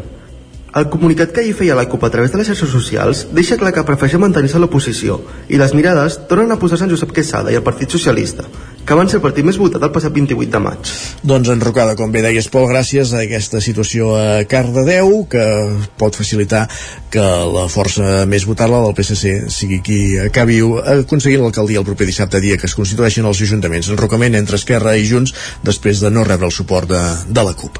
Canviem de qüestió. Els Mossos d'Esquadra detenen a Vic el, un jove, el jove acusat d'apunyalar un home amb arma blanca la setmana passada en un bar de Taradell, Sergi. L'home va patir dues ganivetades a l'esquena i va ser traslladat a l'Hospital Universitari de Vic, on li van donar l'alta unes hores més tard. El detingut de 22 anys va passar a disposició judicial dissabte i va quedar en llibertat. I parlem també d'una altra detenció que va fer la Guàrdia Urbana de Vic la nit de dissabte a diumenge. Una patrulla va detectar un passi d'estupefaents a la zona del Sucre. Segons la Guàrdia Urbana, el presumpte autor, en veure la policia, se'n va anar cap a dins d'un establiment on els agents el van acabar localitzant i detenint. Se li van trobar bitllets per valor de 200 246 euros i 1,46 grams de cocaïna. El pantà de Sau comença a refer-se. Les pluges dels últims dies han anat canviant el paisatge de l'embassament que ja es troba pràcticament al 24% de la seva capacitat. Un escenari que esperen els pescadors que des de fa dos mesos i per ordres del Departament d'Acció Climàtica tenen prohibit pescar sau. És el cas de Xavier Martínez, Carles Rollo i Mònica Mateo. Es van conèixer pescant a Sau i ara formen part del moviment d'acció per la pesca esportiva i, de, i la biodiversitat, una entitat que més eh, de 300 socis, que, eh, una entitat amb més de 300 socis socis que va néixer ara fa dos mesos quan el Departament d'Acció Climàtica va prohibir pescar a Sau tenint en compte les consideracions de l'Agència Catalana de l'Aigua sobre la perillositat de les vores del pantà del fang que hi havia. Una situació, diu Carles Rollo, que més de, que amb les pluges de les últimes setmanes ha passat a la història. Ara la situació és completament diferent, l'embassament ha pujat 5 o 6 punts, és la, que va passar tot això, les vores estan seques, les vores hi ha vegetació, com podeu veure, i no representa cap perill pels pescadors, per tant demanem des de l'associació que podem tornar a pescar aquí com fèiem abans. La pesca és sagrada, o sigui, és el nostre vincle directe amb la natura, és la, la forma en què hem descobert la natura tots des de petits, o molta gent des de petit, i és un contacte directe amb la natura.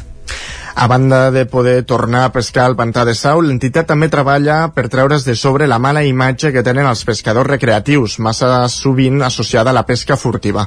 En aquest sentit, des del Moviment d'Acció per la Pesca Esportiva i la Biodiversitat, Mònica Mateo reivindica un entorn net. També volem el nostre lloc net i que estigui cuidat. Llavors el que fem és netejar, agafem residus, ens ho emportem nosaltres a casa, ho aboquem nosaltres. També s'ha de dir que també molts entorns no estan preparats.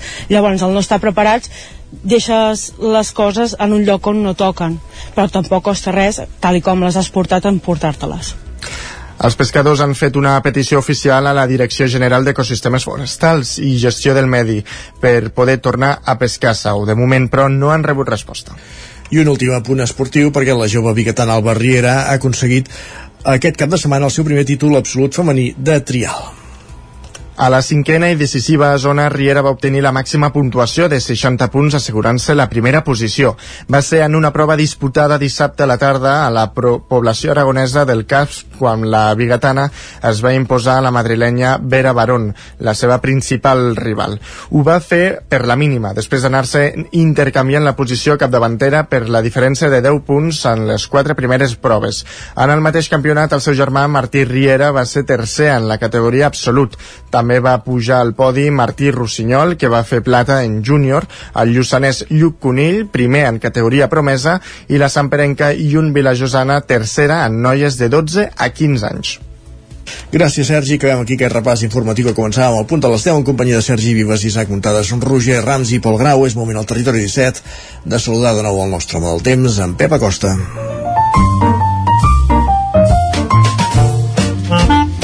Casa Terradellos us ofereix el temps. Perquè volem saber quin temps farà les properes hores. Pep, plourà avui? Durant el matí hi ha una primera tempesta, però serà de canvis i a la tarda eh, quan cada vegada els ruixats seran més importants, eh, més intensos i més extensos. Hi ha un servei del, del Servei Meteorològic de Catalunya, eh, hi ha un avís per a les dues comarques, avís taronja, avís important de que a la tarda hi pot haver eh, tempestes eh, de més de 20 litres en només mitja hora. I l'avís és taronja, eh? vull dir que és molt probable que a les comarques passi això. Però també és possible que no passi perquè ahir també havia de ser un dia de tempestes fortes a la tarda, finalment tenir. És aquesta inestabilitat aquesta inex... no sabem l'exactitud on caurà per tant és un, un temps una mica complicat de predir. Aviam on pot caure aquest ruixat, on plourà més, on plourà menys. Complicat de predir. Les temperatures màximes baixen una mica degut a cada vegada hi ha més velocitat. Avui serà un dia molt tapat. Les temperatures màximes la majoria entre els 23 i els 27 graus. Temperatures eh, molt a ratlla. De moment no es veurà nada calor per enlloc. Important pels boscos per tot aquestes temperatures a ratlla gairebé ja tot el mes estem salvant ja molts dies d'aquest mes de juny i això és tot a disfrutar el dia d'avui i esperar que aquestes tempestes de tarda on cauen i aviam on es pogués a màxim de precipitació moltes gràcies, fins demà. Adéu. Gràcies, gràcies a tu, Pep. Parlem, de, parlem demà, ara ja. Bon dimarts. Casa Tarradellas us ha ofert aquest espai.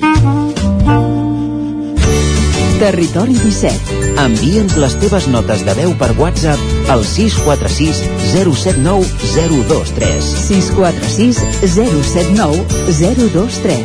WhatsApp Territori 17.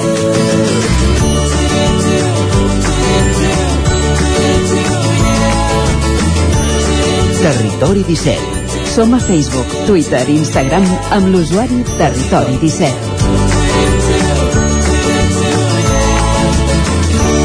Un minut perquè sigui un quart d'onze del matí.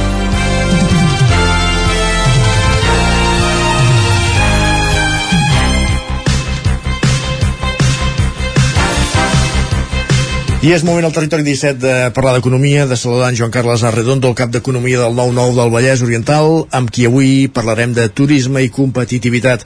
Joan Carles Arredondo, benvingut. Una setmana més, bon dia. Bon dia. Uh, Se'ns ha acudit parlar d'això perquè, de fet, la temporada d'estiu, tot i que ens, ens, ara ens estaven dient que, que no es veuen onades de calor, però, però estem, estem a punt d'arribar a la temporada d'estiu. Eh? Sí, exacte. I aquest, aquesta temporada d'estiu que, que, que està esperant a la cantonada també té esperant a la cantonada un seguit de titulars sobre com serà de meravellosa per al sector turístic aquesta, aquesta temporada d'estiu. Com cada any, no?, de fet. De fet, sí, clar, però veníem de veníem d'anys complicats, eh? sempre buscant superar el 2019, eh? Que, um, I els titulars ja estan gastant la paraula rècord, que de tan repetida, eh, si no es produeix aquest, aquest anunciat màxim històric, eh? que superar superar el, els registres del 2019, que va ser l'últim any així, diguem-ne, amb normalitat, eh, després tot eh, estroncat diguem-ne per, per la pandèmia Eh, si, si no es produeix aquest màxim històric no sé, la frustració serà també històrica no, diguem-ne i si en canvi s'acaba produint quan arribi al setembre ja no se sabrà quina paraula utilitzar per definir la temporada és a dir, tothom està parlant de rècord portem parlant de rècord ja des de Setmana Santa rècord de despesa rècord de preu de les habitacions per cert, ara que, que hi ha hagut temporades de fires i de festivals a Barcelona els preus de les habitacions estan absolutament descontrolats eh? um, doncs tots aquests rècords s'estan produint Mm, és ben curiós com, com el sector turístic aconsegueix um, sempre figurar en el focus d'atenció eh? representa un gens menys preable d'altra banda 12% del PIB un 13% d'ocupació però hi ha sectors tan o més estra- estratègics que mereixen una atenció més relativa per exemple, hi ha un exemple recent eh? Uh, els, últims dies que es va donar a conèixer l'evolució del PIB del primer trimestre d'aquest any i el creixement està associat principalment al sector exportador. En segon lloc hi ha la construcció. I és el tercer lloc on hi ha el turisme. Però ha sigut els titulars els ha aconseguit el, el sector turístic. Després explicarem més coses sobre això. Mm, no? i s'ha parlat de nombre de visitants de despesa mitjana, de procedència de, de, de, de tots els aspectes que rodegen el turisme i en canvi les exportacions han tingut menys glamour tot i que representen més del doble en, en, en, en aportació de PIB que, que el turisme estaria bé fixar-se en el tema del comerç exterior perquè realment ara mateix és el que està suportant eh, el, el creixement del PIB a Catalunya i que, que està amb dades molt superiors a la mitjana europea, no tant a la mitjana estatal. Um, estaria bé fixar-se, potser ho farem en, en propers dies, eh? Eh, sempre ha de ser un motiu de, de celebració que la gent de tot el món, fins i tot el món més proper, eh, tingui la inclinació de visitar qualsevol racó de Catalunya. Sí, tant. Um, tot i això convé posar matisos perquè, perquè la celebració sigui proporcionada. Recentment vam tenir oportunitat de llegir un article d'un col·laborador habitual d'un eh, portal informatiu de, sobre temes econòmics, es diu Via Empresa, aquest eh, col·laborador habitual, Xavier Roig, que és, és enginyer i escriptor, eh, es feia ressò d'un informe de la Unió Europea sobre les 10 regions europees en les quals s'havia produït un retrocés més notable del PIB per càpita, això va ser un indicador de productivitat, això va ser el 2020. És cert, eh? 2020, és un any complicat eh? pel turisme, no, no va haver-hi visites, etc. Um, però de tota manera, Catalunya era la desena regió que més havia perdut de, de PIB per, per càpita i gairebé doblava la mitjana de la Unió Europea en descens. Eh? mm, el més destacat de- de- d'aquest rànquing no és tant la mala posició de Catalunya, que també, sinó que 8 de les 9 regions restants d'aquest rànquing tenen el comú l'elevat pes del turisme en la seva economia. Hi apareixien illes gregues, hi apareixien les illes Balears i les illes Canàries, hi, apare hi apareixia l'Algarve i Madeira, això, mm, diguem-ne, entre aquestes 10 regions, eh, diguem-ne que el, el punt que les uneix a totes, 9 de, de les 10 regions on més es va perdre PIB el 2020, eh, és per la dependència que tenen del sector turístic. Mm, diguem-ne que això vindria a ser un tot d'atenció. És un toc d'atenció, l'article el, el qual feia, que, que estàvem esmentant del Xavier Roig, parlava de eh, la nota de, la nota mm, d'opinió que fa el Cercle d'Economia sempre al voltant de les seves eh, de les seves jornades, eh, que van ser a principi, a principi de mes. Um, i aquest, aquesta nota d'opinió per, per una vegada diguem-ne que el Cercle d'Economia suposo que mm, gairebé predint el, el, cicle electoral que, que ve se, es va saltar una mica el to protocolari i diguem-ne que feia alguna càrrega de fons eh? sobretot el, el titular que va quedar és que alertava sobre l'estancament econòmic que s'estava produint a Catalunya um, és veritat, eh? és un col·lectiu que té vocació de lobby i sempre és susceptible de, de, de, de, de que allò que opini sigui, sigui eh, etiquetat com oportunista eh? i mm, tampoc cal posar en dubte que, que aquest sigui el cas també eh? Mm, de fet el govern català va apressar a posar de manifest diguem-ne que fa una, va fer una mica de mal eh? Aquest, eh, aquesta nota d'opinió aquest any diguem-ne que mm, la, la cosa no era exactament protocolària eh? perquè de fet el govern català va, va, va apressar-se a posar de manifest que hi ha aspectes positius de l'economia de, positius de l'economia que s'estaven silenciant de fet a les jornades que comentàvem del cercle uh -huh. la consellera d'Economia Natàlia Mas posava l'accent en el creixement general de PIB però es deixava un detall, eh? és veritat, creix el PIB això és com quan portes un pastís a, quan portes un pastís, el pastís pot ser molt gran però depèn, depèn de quanta gent hi hagi per repartir no? Està clar, sí, sí. i això um, aquí resulta que aquest pastís es fa més gran però hi ha més gent per repartir per tant el PIB per càpita es redueix i això ho fa mentre altres regions europees mm, mentre creix amb altres regions europees a les quals manifesta mm, Catalunya manifesta que es vol assemblar en, en, en aquesta relació de PIB per càpita de, de l'any de la pandèmia Catalunya apareix a la Lliga de les Illes Gregues i no pas a la de Baden-Württemberg, per exemple. Eh? I això, diguem-ne, que hauria de ser una cosa que hauria de cridar l'atenció.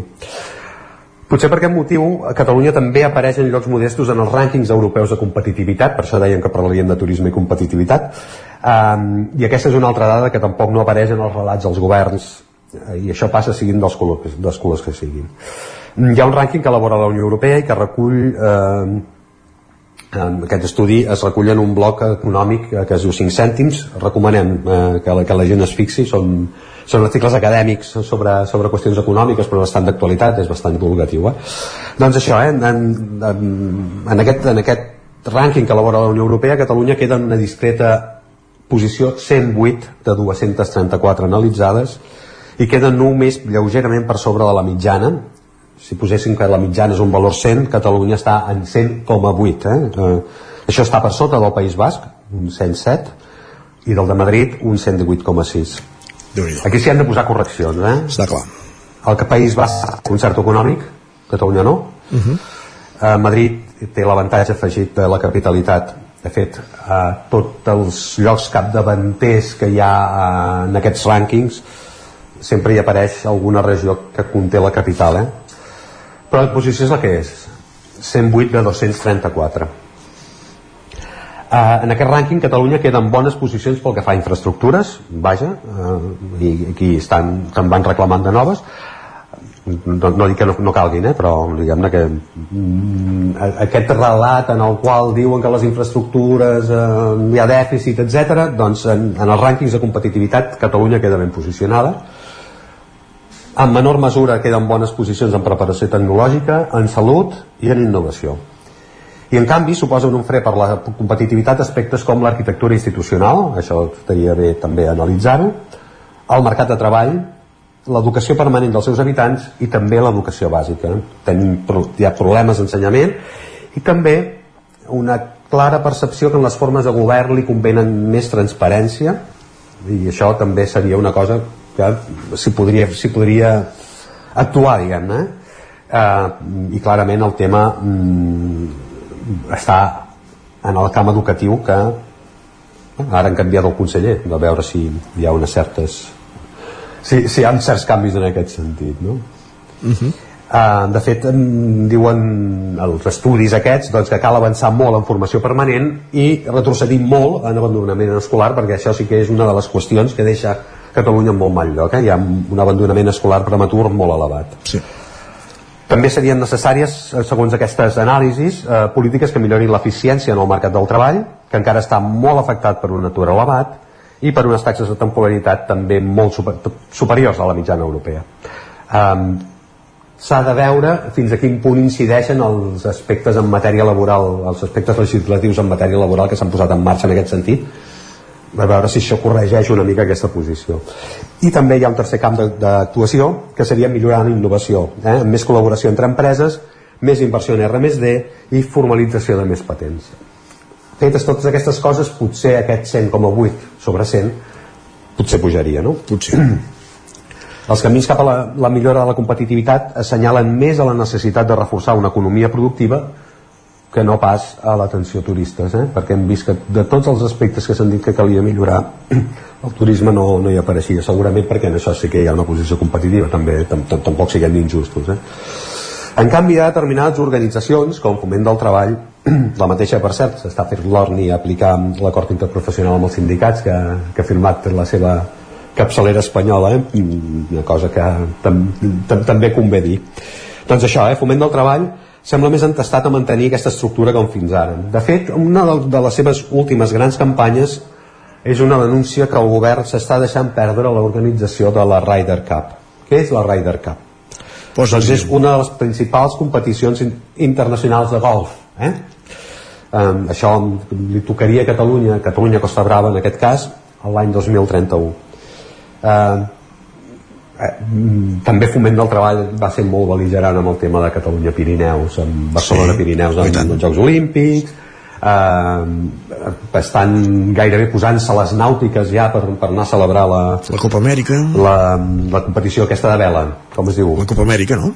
Que és competició de vela que s'ha de fer a Barcelona Copa Amèrica, gràcies, ara tenia un lapsus doncs to, to, to, totes aquestes coses eh? de que cadascú arribi a la seva conclusió sobre quines batalles ha de lliurar el lobby del gran empresariat català eh? si estem parlant de turisme o d'aquests aspectes que realment millorarien la competitivitat Veurem eh, si, si et fan cas els teus auguris. Gràcies, Joan Carles, una setmana més. Gràcies a vosaltres. Bon dia. Bon dia.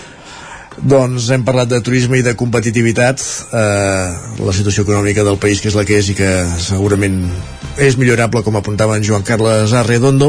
I nosaltres el que fem tot seguit és una petita pausa. Per encara la recta final del programa ens acompanyarà de seguida en Guillem Sánchez amb les pilades més destacades que ha trobat a Twitter. De fet ja veig que entra a l'estudi. I després de parlar amb ell saludarem la Maria López des de Ràdio i Televisió Cardeu avui parlant de l'orientació dels estudis al racó de pensar. Serà com dèiem just després d'una petita pausa. Per tant 3 minutets i tornem a ser aquí. Fins ara mateix El nou FM, la ràdio de casa, al 92.8. Si tens pensat canviar la caldera o posar aire condicionat, posa't en mans a Pradell. Tenen les millors ofertes. Pradell instal·la calderes de biomassa, calderes de condensació, aire condicionat tant per a particulars com per a empreses. Apunta, Pradell, Avinguda Països Catalans, número 27 de Vic. Telèfon 93 885 11 97. Repetim, 93 885 11 97. Davant l'escassetat hídrica, fem un consum responsable de l'aigua, perquè cada gota que estalviem serà una gota més per al planeta. No et quedis sec. Tanca l'aixeta. Akbar amb tu.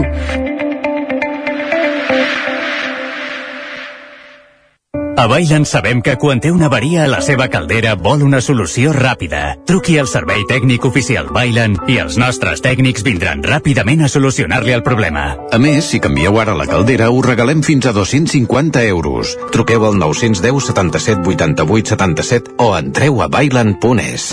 Del 10 al 18 de juny, Festa Major de Sant Quirze de Besora. Caminada popular, habaneres amb son de l'Havana, ballada de sardanes, sopar i nit de gats, correfoc, espectacles, concert i ball amb l'Orquestra Venus, cercavila de gegants, actuació de Pep Plaza, Castell de Focs i molt més. Més informació a jsantquirze.cat.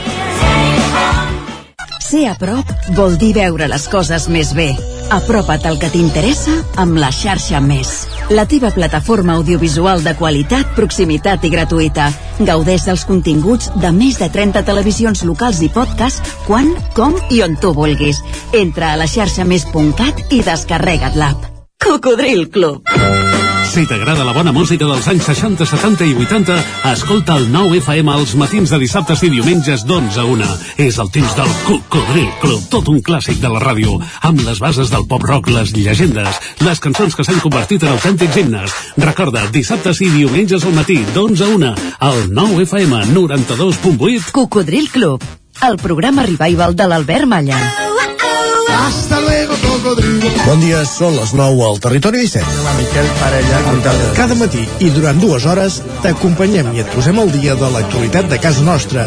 Potenciant així l'autonomia Per aquest cas me la peça el taler si no... Cursos per feminitzar el pensament masculí.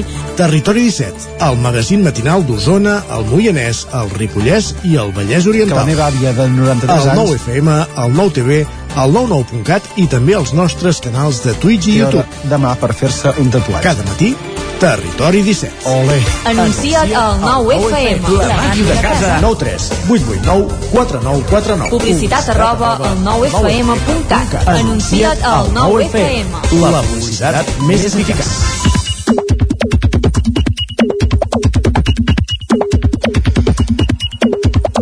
Dos quarts d'onze, moment de saludar en Guillem Sánchez, n'hem fet allò de sona dos quarts d'onze, i entrar a sonar la sintonia, i ja donar pas, i eh, desplegar la catifa vermella, i aquelles coses.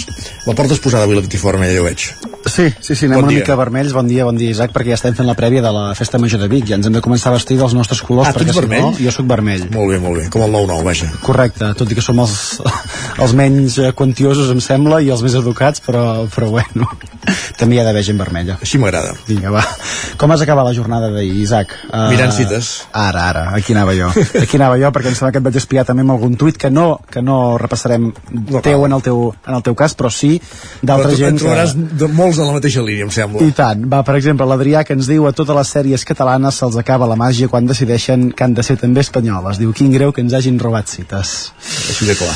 Així de clar, va, més opinions en relació amb la llengua. La Núria que ens diu, no puc amb cites, merda de doblatge, aneu a cagar. Així de fàcil, així de fàcil. sí. L'Àlex també hi afegeix cullerada i ens comenta uf, acabo de trobar el botó del dual al comandament, menys mal, prefereixo en castellà que el desastre esperpèntic de doblatge que estàvem vivint. I la Júlia ho sentencia de la següent manera i diu això de cites lavapiés és ben bé de ser cornuts i pagar el beure. Jo vaig, vaig llegir també, em sembla, alguna traducció d'alguna Sí, d'alguna ja. frase feta, d'algun refrany o alguna cosa així, una mica... Algun tuit que vaig fer jo anava en aquesta línia. Eh que em sembla que sí, eh? Però, de fet, el que dius de, del dual tampoc era gran solució, eh? perquè fins a la meitat del primer capítol no es va activar en versió original. El Mare dual. meva, mare I quan estava activat va començar a, sonar, a aparèixer en Mega Zero, que no se sentia res. Era, és que va ser... En fi. De fet, en podem rebassar un parell més de piulades en aquest sentit. La Marta... Quan el riu sona, aigua porta. Això, sí. vinga, Quan el riu sona, aigua porta. Doncs que soni molt. La Marta també ens comentava s'hauria d'haver doblat en argentí per ser cites Barcelona de veritat i l'Àlex ens diu la versió original està molt bé, inclou Som bien en pluja diu llàstima que la sèrie no plogui Era, eh, ell diu som en pluja i jo dic, bueno, en fi, un soroll rosa fastigós que, que no deixava sentir res. Va, i a xarxes no només Cites era protagonista, també ho era la pluja i l'aigua que va anar caient a molts indrets de Catalunya i que em sembla que avui a la tarda ens ho, ens ho deu haver dit en Pep, no? Que... Sí, a partir del migdia diria què passa? No, que... Però farà una treva uns quants dies ara, ha dit. Segur, eh? Sí, això diu. M'ho assegures, eh? Però és que és igual, ha de ploure molt, Sánchez. Toco fusta, No. toco fusta. Toco fusta. Va, la Mariona, en aquest sentit, ens destacava el següent. Diu, ens tocarà aprendre de la patum en moltes coses, però impermeables pels gegants, si us plau, que si la pluja no para, la festa no s'atura. Molt bé, així m'agrada. Home, uh, tot el que sigui que la festa pugui continuar, aquí la gent s'inventa solucions i coses les que, les que facin faltes. I parlant d'aigua i de llengua, aquesta de la Diana és molt bona. Diu, en un cafè de Barcelona, un tallat i un got d'aigua. Un cortado i què? Diu, un got d'aigua. En castellano, por favor. No, jo parlo català. Ah, bueno, marchando un vaso de agua. És que qui, qui no, qui no s'entén entre ells eh, Sí, és, bueno, en fi. és perquè no vol, no? Sí. Va, i aquests dies també estan molt de moda, em sembla, Isaac, diria, que ho heu anat comentant també aquí amb les notícies, les qüestions vinculades amb la, amb la Comtal Vila de Ripoll, no? Oh, i tant, Eh mare que sí? hem connectat i tot. Doncs vinga, va. En Jordi ens ho diu molt i molt clar, ens comenta és molt fàcil, a l'extrema dreta n'hi aigua, diu sigui italiana, espanyola, francesa, sueca o catalana, és igual. Hi ha altres uh, usuaris que també ens comenten, diu, el problema de Ripoll s'arregla com ho fem al Japó, diu, no votem partits, votem candidats a balla, elecció directa, qui té més vots mana. Ja, però si no s'haurien de repetir les eleccions, no, aquí? Uh, bueno, no necessàriament. Clar, la gent va votar partits a, Ripoll. Però això és un tant. sistema presidencialista el que ens proposen des del Japó. No sé si ho ha hem de canviar, hem de canviar, no? Pues- No sé quin és millor. I una recomanació també del nostre company, en Jordi Vilarrodà, que ens escrivia el següent. Diu, si les direccions nacionals dels partits volen respectar realment la decisió que es prengui des de Ripoll sobre pactes postelectorals, diu, el millor que podrien fer-ho és no debatre-ho a Twitter. Diu, fins al cap de setmana va ser, va ser així. És que... Sí, sí. Home, ahir, ahir, es van començar a donar aquella sèrie de, de notícies i contranotícies i desmentits i aclariments i... Fa riure tot plegat. Fa riure, fa riure. Va, si que- no fos plorar. Sí. Si no fos pel que, pel que hi ha de fons en joc. I, de fet, en, en aquest sentit, si acabem la secció amb una reflexió més senzilla, més mundana, més mundana de la Margalida, que ens diu el mal de panxa de tant de riure. Deu ser realment de les millors sensacions de la, de la vida. No pas de mirar cites, no? Jo crec que millor riure que no pas mirar cites, o si mires cites, segur que rius i tu passes bé. Gràcies, Guillem. Va, que vagi molt Adéu. bé.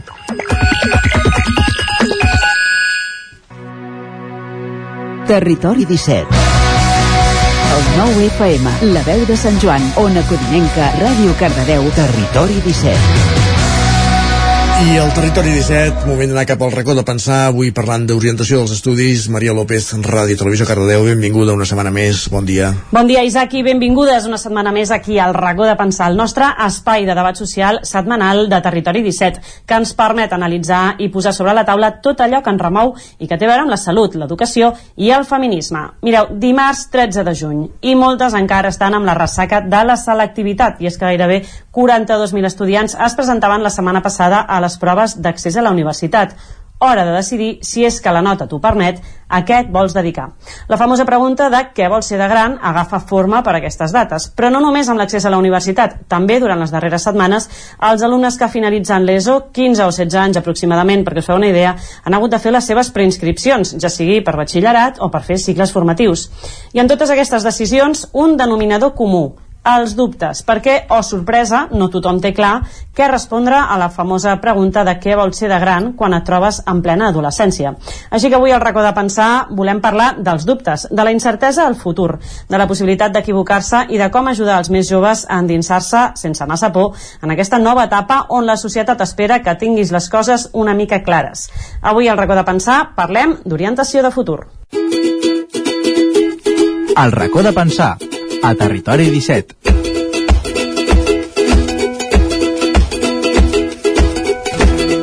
I per parlar d'orientació, doncs ningú millor que una professional que dedica cada dia a la seva feina precisament a això, a orientar els joves i les joves des de l'institut. I és que avui ens acompanya la Rosó Morató, orientadora d'estudis de l'Institut Pla Marcell. Bon dia, Rosó.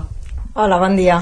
Escolta, ara fèiem així una mica aquesta intro de, de la pregunta típica, no?, de tu què vols ser de gran, sembla que són les dates aquestes que encara agafa més forma, però tu que t'hi dediques de ple, quantes persones et trobes al llarg de curs que no tenen ni idea de què fan la seva vida? Moltes, me n'hi trobo moltes. I, de fet, a aquesta època, que podríem dir aquest tercer trimestre, és quan més em persegueixen pels passadissos, Rosó, a vegades... n'hi ha que- Persegueixen literal, sí, sí, no? literalment. N'hi ha que no em coneixen, no? I em diuen, tu ets la Rosó? sí, sóc jo, és que vull parlar amb tu. No sé què fem la meva sí, vida, no? Sí, sí, sí, és així, és així. Sobretot aquest tercer trimestre, doncs perquè comencen a sentir això que dius tu, no? Surt per la tele, nosaltres amb els de quart, tal, doncs, bueno, doncs ells estan també al quite i, i pregunten. Si haguéssim de fer més o menys un tant per cent d'una classe, quanta gent sap cap on vol anar i quanta gent va perdudíssima? Estem parlant ara de 15-16 anys, que són l'edat que tens tu, més o menys, Sí, no? sí, parlaríem d'un quart de l'ESO, hem de pensar que ja venen fent orientació a tercer, ja se'n fa bastanta, i per tant quan arriben a quart, la gran majoria saben més o menys per on anar val? perquè ja s'ha fet un, una feina prèvia jo quasi que me'n trobo més a tercer que estan com molt desesperats, que jo els dic tranquils encara ens queda tot quart no? però sí, sempre a quart sempre hi ha gent, no sé, podríem parlar en una classe de 23 alumnes doncs potser 4 o 5 et diuen, ostres, és que jo no ho sé segur, eh? segur, sí, sí Parlàvem de 15-16 anys, dèiem, és massa aviat per decidir amb aquesta edat. Eh, hi ha alumnes que ho tenen bastant clar, almenys saben cap a, cap a on tirar, i hi ha d'altres que, que no.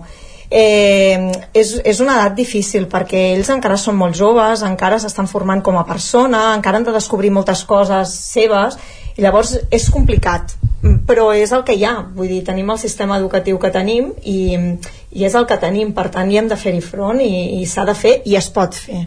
Com ho feu? Aquí, aquí ve la gran, la gran qüestió del tema. Jo t'ho pregunto també una mica com a mare, eh? Vull dir que de, de, també fills que dubten, que no tenen ni idea de què fer, què feu vosaltres des de l'institut quan algú us diu no tinc ni idea de cap on anar.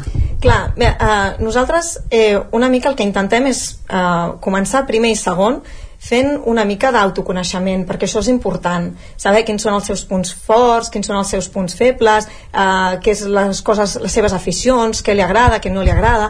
Eh, tot aquest tema d'autoconeixement, després, en teoria, facilita quan comencen a conèixer el tema de, de no, professions o cap a on decantar-se o tal, facilita una mica saber què, què m'agrada i què no m'agrada, doncs cap a on puc tirar. Val? Això és important, fer aquesta feina una miqueta abans és superimportant.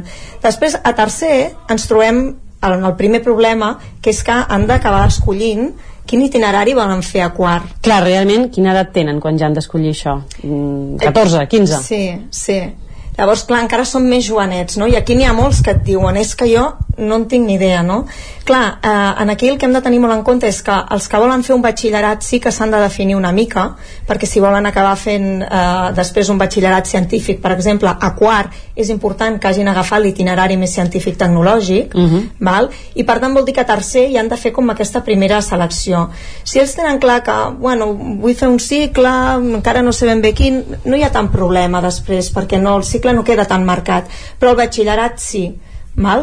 i aquí és la, la primera elecció que han de fer tot i així tampoc això els condiciona al 100% vull dir, ens podem trobar un alumne que hagi fet eh, quart un itinerari més social per dir-te alguna cosa, o més artístic i que després vulgui fer un batxillerat tecnològic tindrà problemes? Home, eh, anirà coix amb algunes matèries però això no vol dir que no es pugui fer Però d'alguna manera aquesta fluctuació entre opcions és possible? Eh, sí, és possible, però nosaltres no la recomanem. O sigui, el millor és que si tu vols anar a fer un batxillerat tecnològic, a quart facis un itinerari més tecnològic, uh Mhm. -huh. perquè et prepararan cap aquí.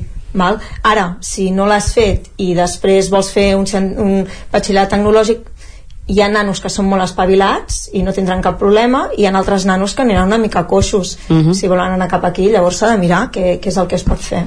Amb els més dubtosos i, i dubtoses, eh, imagino que deu haver la clàssica visita al Saló de l'Ensenyament, aquestes coses, no? Com d'alguna manera els hi planteu als que han més perduts totes les opcions?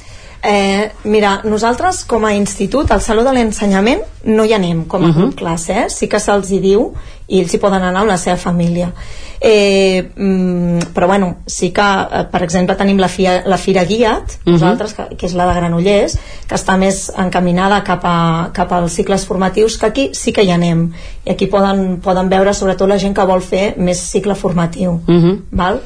Eh, ara no recordo quina era la pregunta que m'havies fet. Uh, una mica jo com els oferiu tot el ventall, no? Si hi ha les típiques visites o com poden començar a provar coses i, i saber cap on decantar-se també. Sí, mira, eh, tot això es va treballant així una mica més eh, profundament a partir de tercer, val? Comencen a fer algun qüestionari també d'autoconeixement per saber què és el, què és el que m'agrada, cap, a, cap a on situar-me. Eh, a tercer també venen els companys de quart les companyes de quart i els expliquen una mica eh, l'itinerari que han escollit perquè també sàpiguen què es trobaran si no, això em pot agradar o això no, mira doncs en eh, l'artístic han fet això i és una xulada i jo aquí m'hi veig molt bé no? i potser no s'havia plantejat mai fer res artístic mm -hmm. però en canvi doncs, doncs, bueno, doncs descobreix que, que per aquí pot, pot ser una cosa que, que li sigui agradable i, i divertida de fer eh, això és molt important i després, un cop estan a quart eh, bueno, a quart és on realment es fa ja toca no, com definir bé el tema de definir del tot no? llavors eh, a quart ells també fan un treball a nivell de tutoria perquè tot aquest treball es fa a nivell de tutoria eh? Uh -huh. classe a nivell de tutoria només alguns no? que són els que no sé què és el que he de fer no, no tinc ni llavors idea. sí que doncs jo dic vinga va, anem a parlar un dia no? I, i el que fem és obrir la pàgina web del departament, la tria educativa i comencem de zero eh, comencem una altra vegada que ja els expliquem a principi de curs de tercer ja els expliquem quin és el sistema educatiu que tenim, què passa si tens la ESO, què passa si no tens la ESO, quines opcions hi han, mm, obrim tots els desplegables, no? comencem, doncs, no sé, fem el batxillerat, doncs, obrim totes les possibilitats que hi han de batxillerat, no? també hi ha el batxillerat dual, hi ha, el, el, no? hi ha diferents modalitats. Llavors, passem per aquí. Vinga, ara anem a mirar cicles formatius. Ens mirem totes les famílies dels cicles formatius que hi ha. Que hi ha moltes Obrim, actualment. Que hi ha moltes. Obrim cada una de les No, famílies. jo vaig estar, ara així com incís, vaig estar també fullejant que hi ha de rellotgeria, per exemple, Sí, que em sí, sí, semblava sí. supercuriós i coses que no- n'hi havia Sí, sí, sí. pensat que, allò, Sí. que clar, evidentment això ha d'existir, però no hi penses que hi ha tots uns estudis darrere, sí, sí, no? sí. Doncs amb aquests nanos mirem un per un, totes les famílies i quins cicles hi han. I després, a dins a, de cada cicle, a moltes vegades ens baixem el PDF perquè també el anem guardant per no, una altra sessió que ens tornem a trobar i mirem allà quines matèries es Mhm. fa en el cicle directament i després les sortides que pot tenir a nivell de món laboral val? i que després ells ja saben que després poden continuar amb un, amb un grau superior Uh -huh. Deus trobar potser situacions a vegades que algú et digui superconvençut jo és que vull fer això i tu igual si has conegut el, el noi o la noia cop, o, o, de, o respecteu molt la voluntat de, dels alumnes A veure, aquí. jo penso que la, la voluntat s'ha de respectar sempre, perquè a més és el que dèiem al principi, que estan en unes edats que encara es, estan formant-se a nivell de personalitat i no, el cervell és molt plàstic, encara són molt immadurs i per tant jo penso que no som ningú per tancar cap porta, Mhm. val? el que sí que nosaltres els avisem, no? sí que diem, a veure, anem a mirar quin recorregut portes no? de tota la ESO, com ha anat aquesta ESO, quines han sigut les teves dificultats, quines les teves fortaleses, no?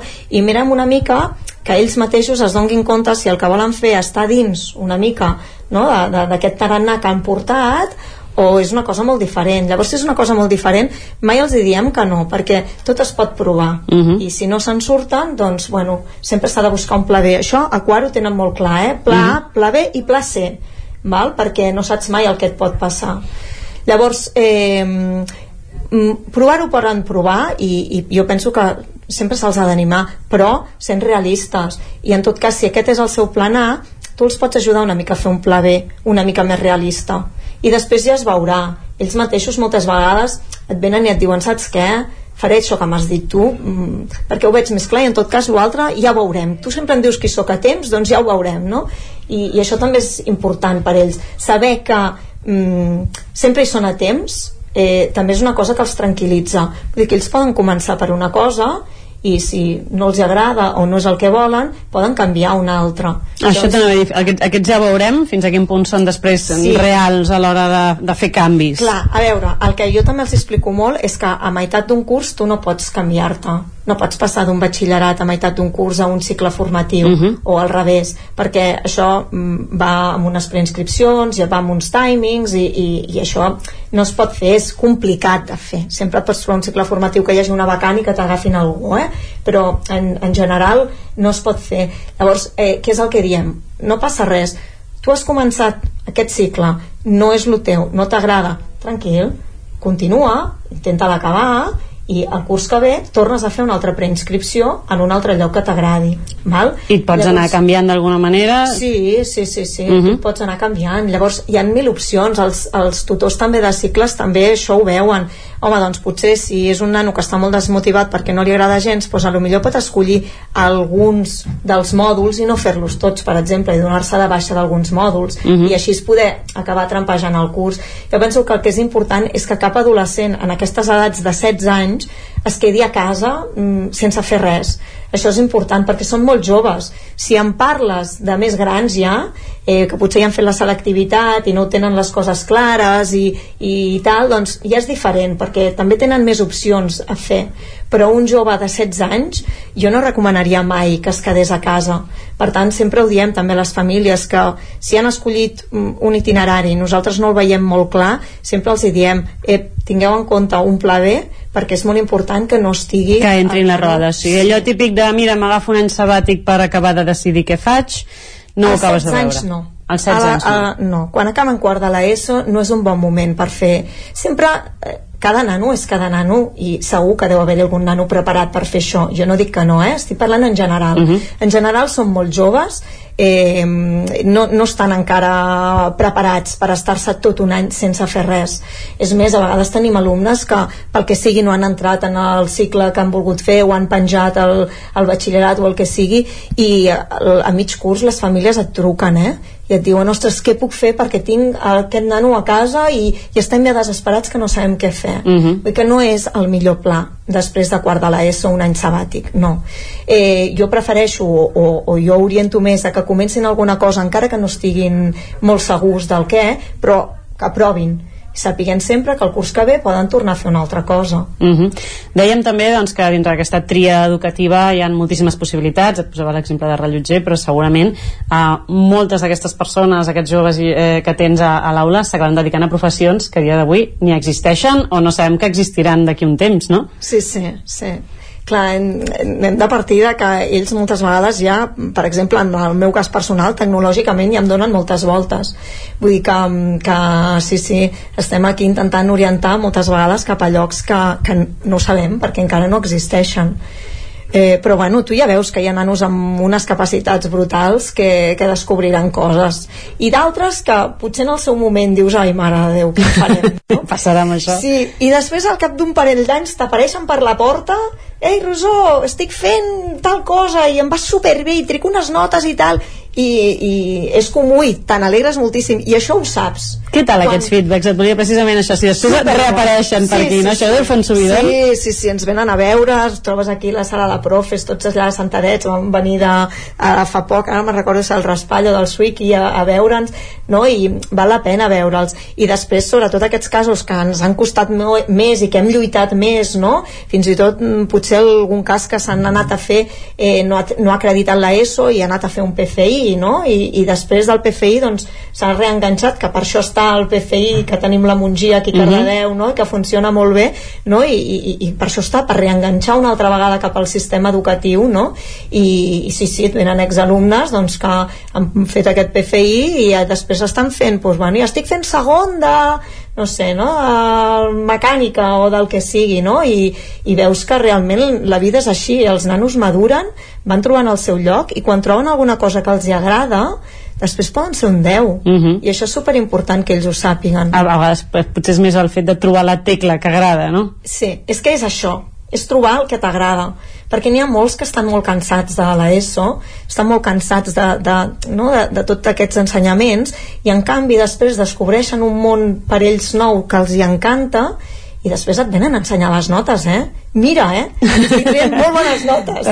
L'orgull, no? Sí, sí, mira, sí, mira al sí, final com, sí, com ha acabat. I quan sí. t'apareixen ara, doncs, d'alguna manera, segurament en coses que potser ara veiem estrany o, o encara se'ns fa raro que ens plantegem com a professió amb el jo vull ser youtuber, jo vull ser uh, uns jo vull ser que potser ara veiem com difícils o o impossibles i potser el dia de demà no és tan estrany, no? Al final el creador de continguts ha sigut una cosa que fa un temps era molt estrany i avui dia hi ha molta gent que es dedica, potser no a youtuber així, però sí com a crear continguts. Et venen amb, idees molt rares? O gent que et digui jo és que no vull treballar res, vull viure del cuento. No sé si...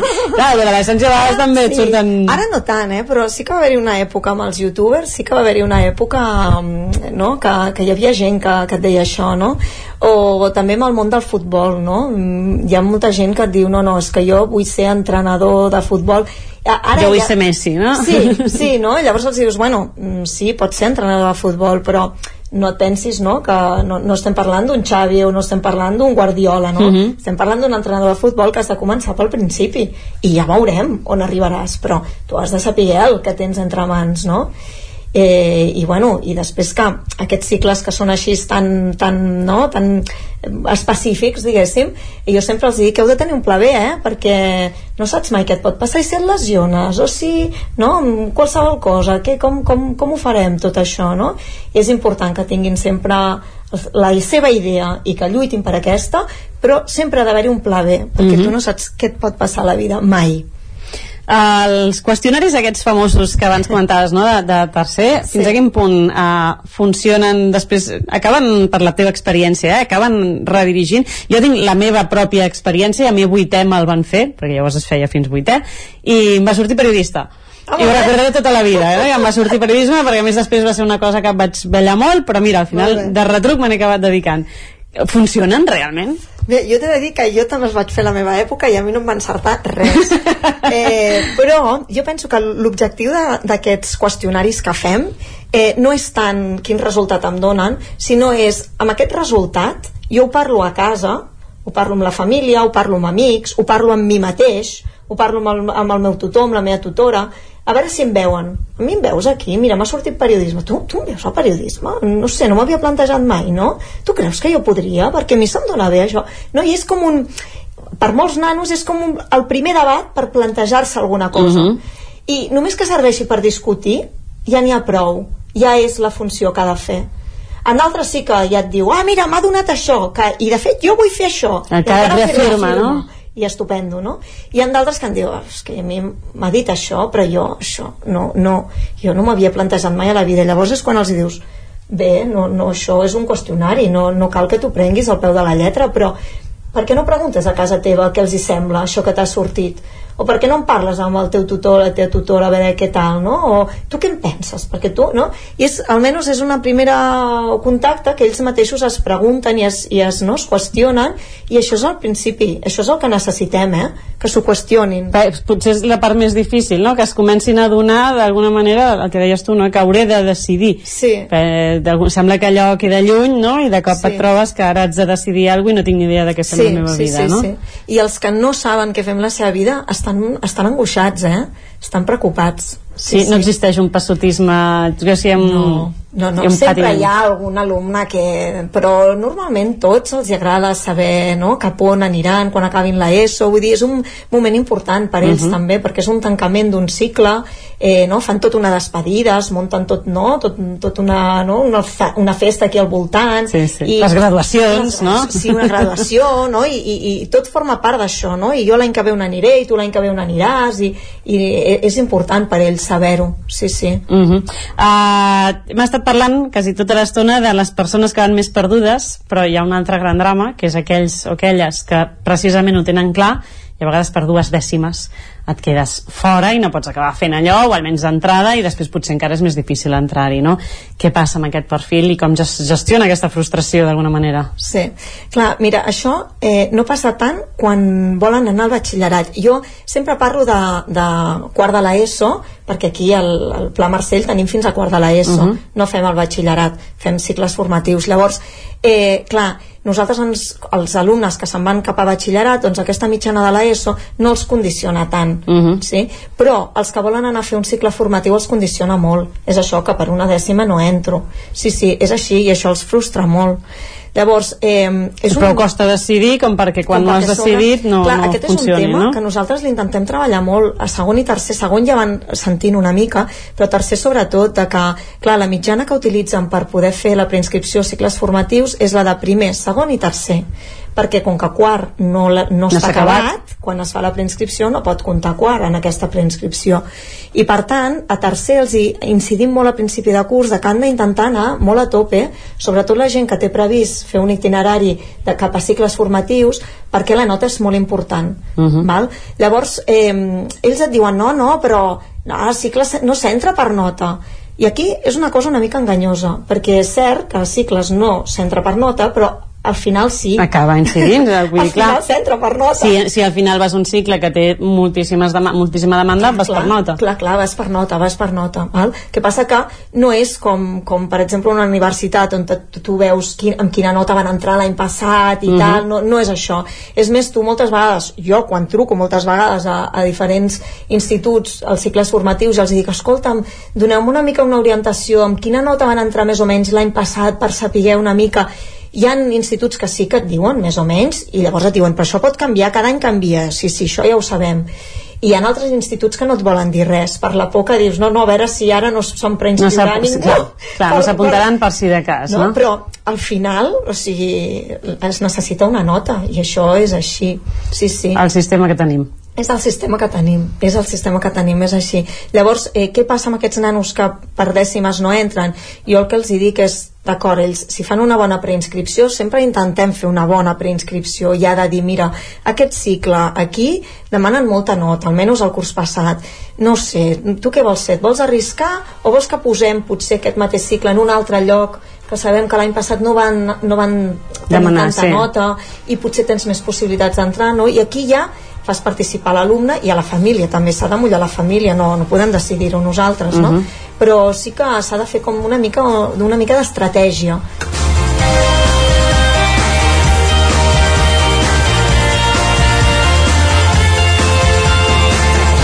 Acaba aquí el racó de pensar, acaba aquí també el territori 17. Gràcies, Maria, una setmana més. Avui reflexionant sobre l'orientació dels estudis. Acabem, com dèiem, el territori 17 que arrencàvem a les 9 del matí. Us hem acompanyat des de les hores Isaac Muntades, Roger Rams, Pol Grau, Moisès Sobirana, Pepa Costa, Joan Carles Arredondo, Guillem Sánchez, Maria López, Sergi Vives, Isaac Moreno. I tornem demà. Fins aleshores, bon dimarts. Gràcies per ser-hi. Un magazín del nou FM. La veu de Sant Joan. Ona Codinenca I Ràdio Cardedeu amb el suport de la xarxa.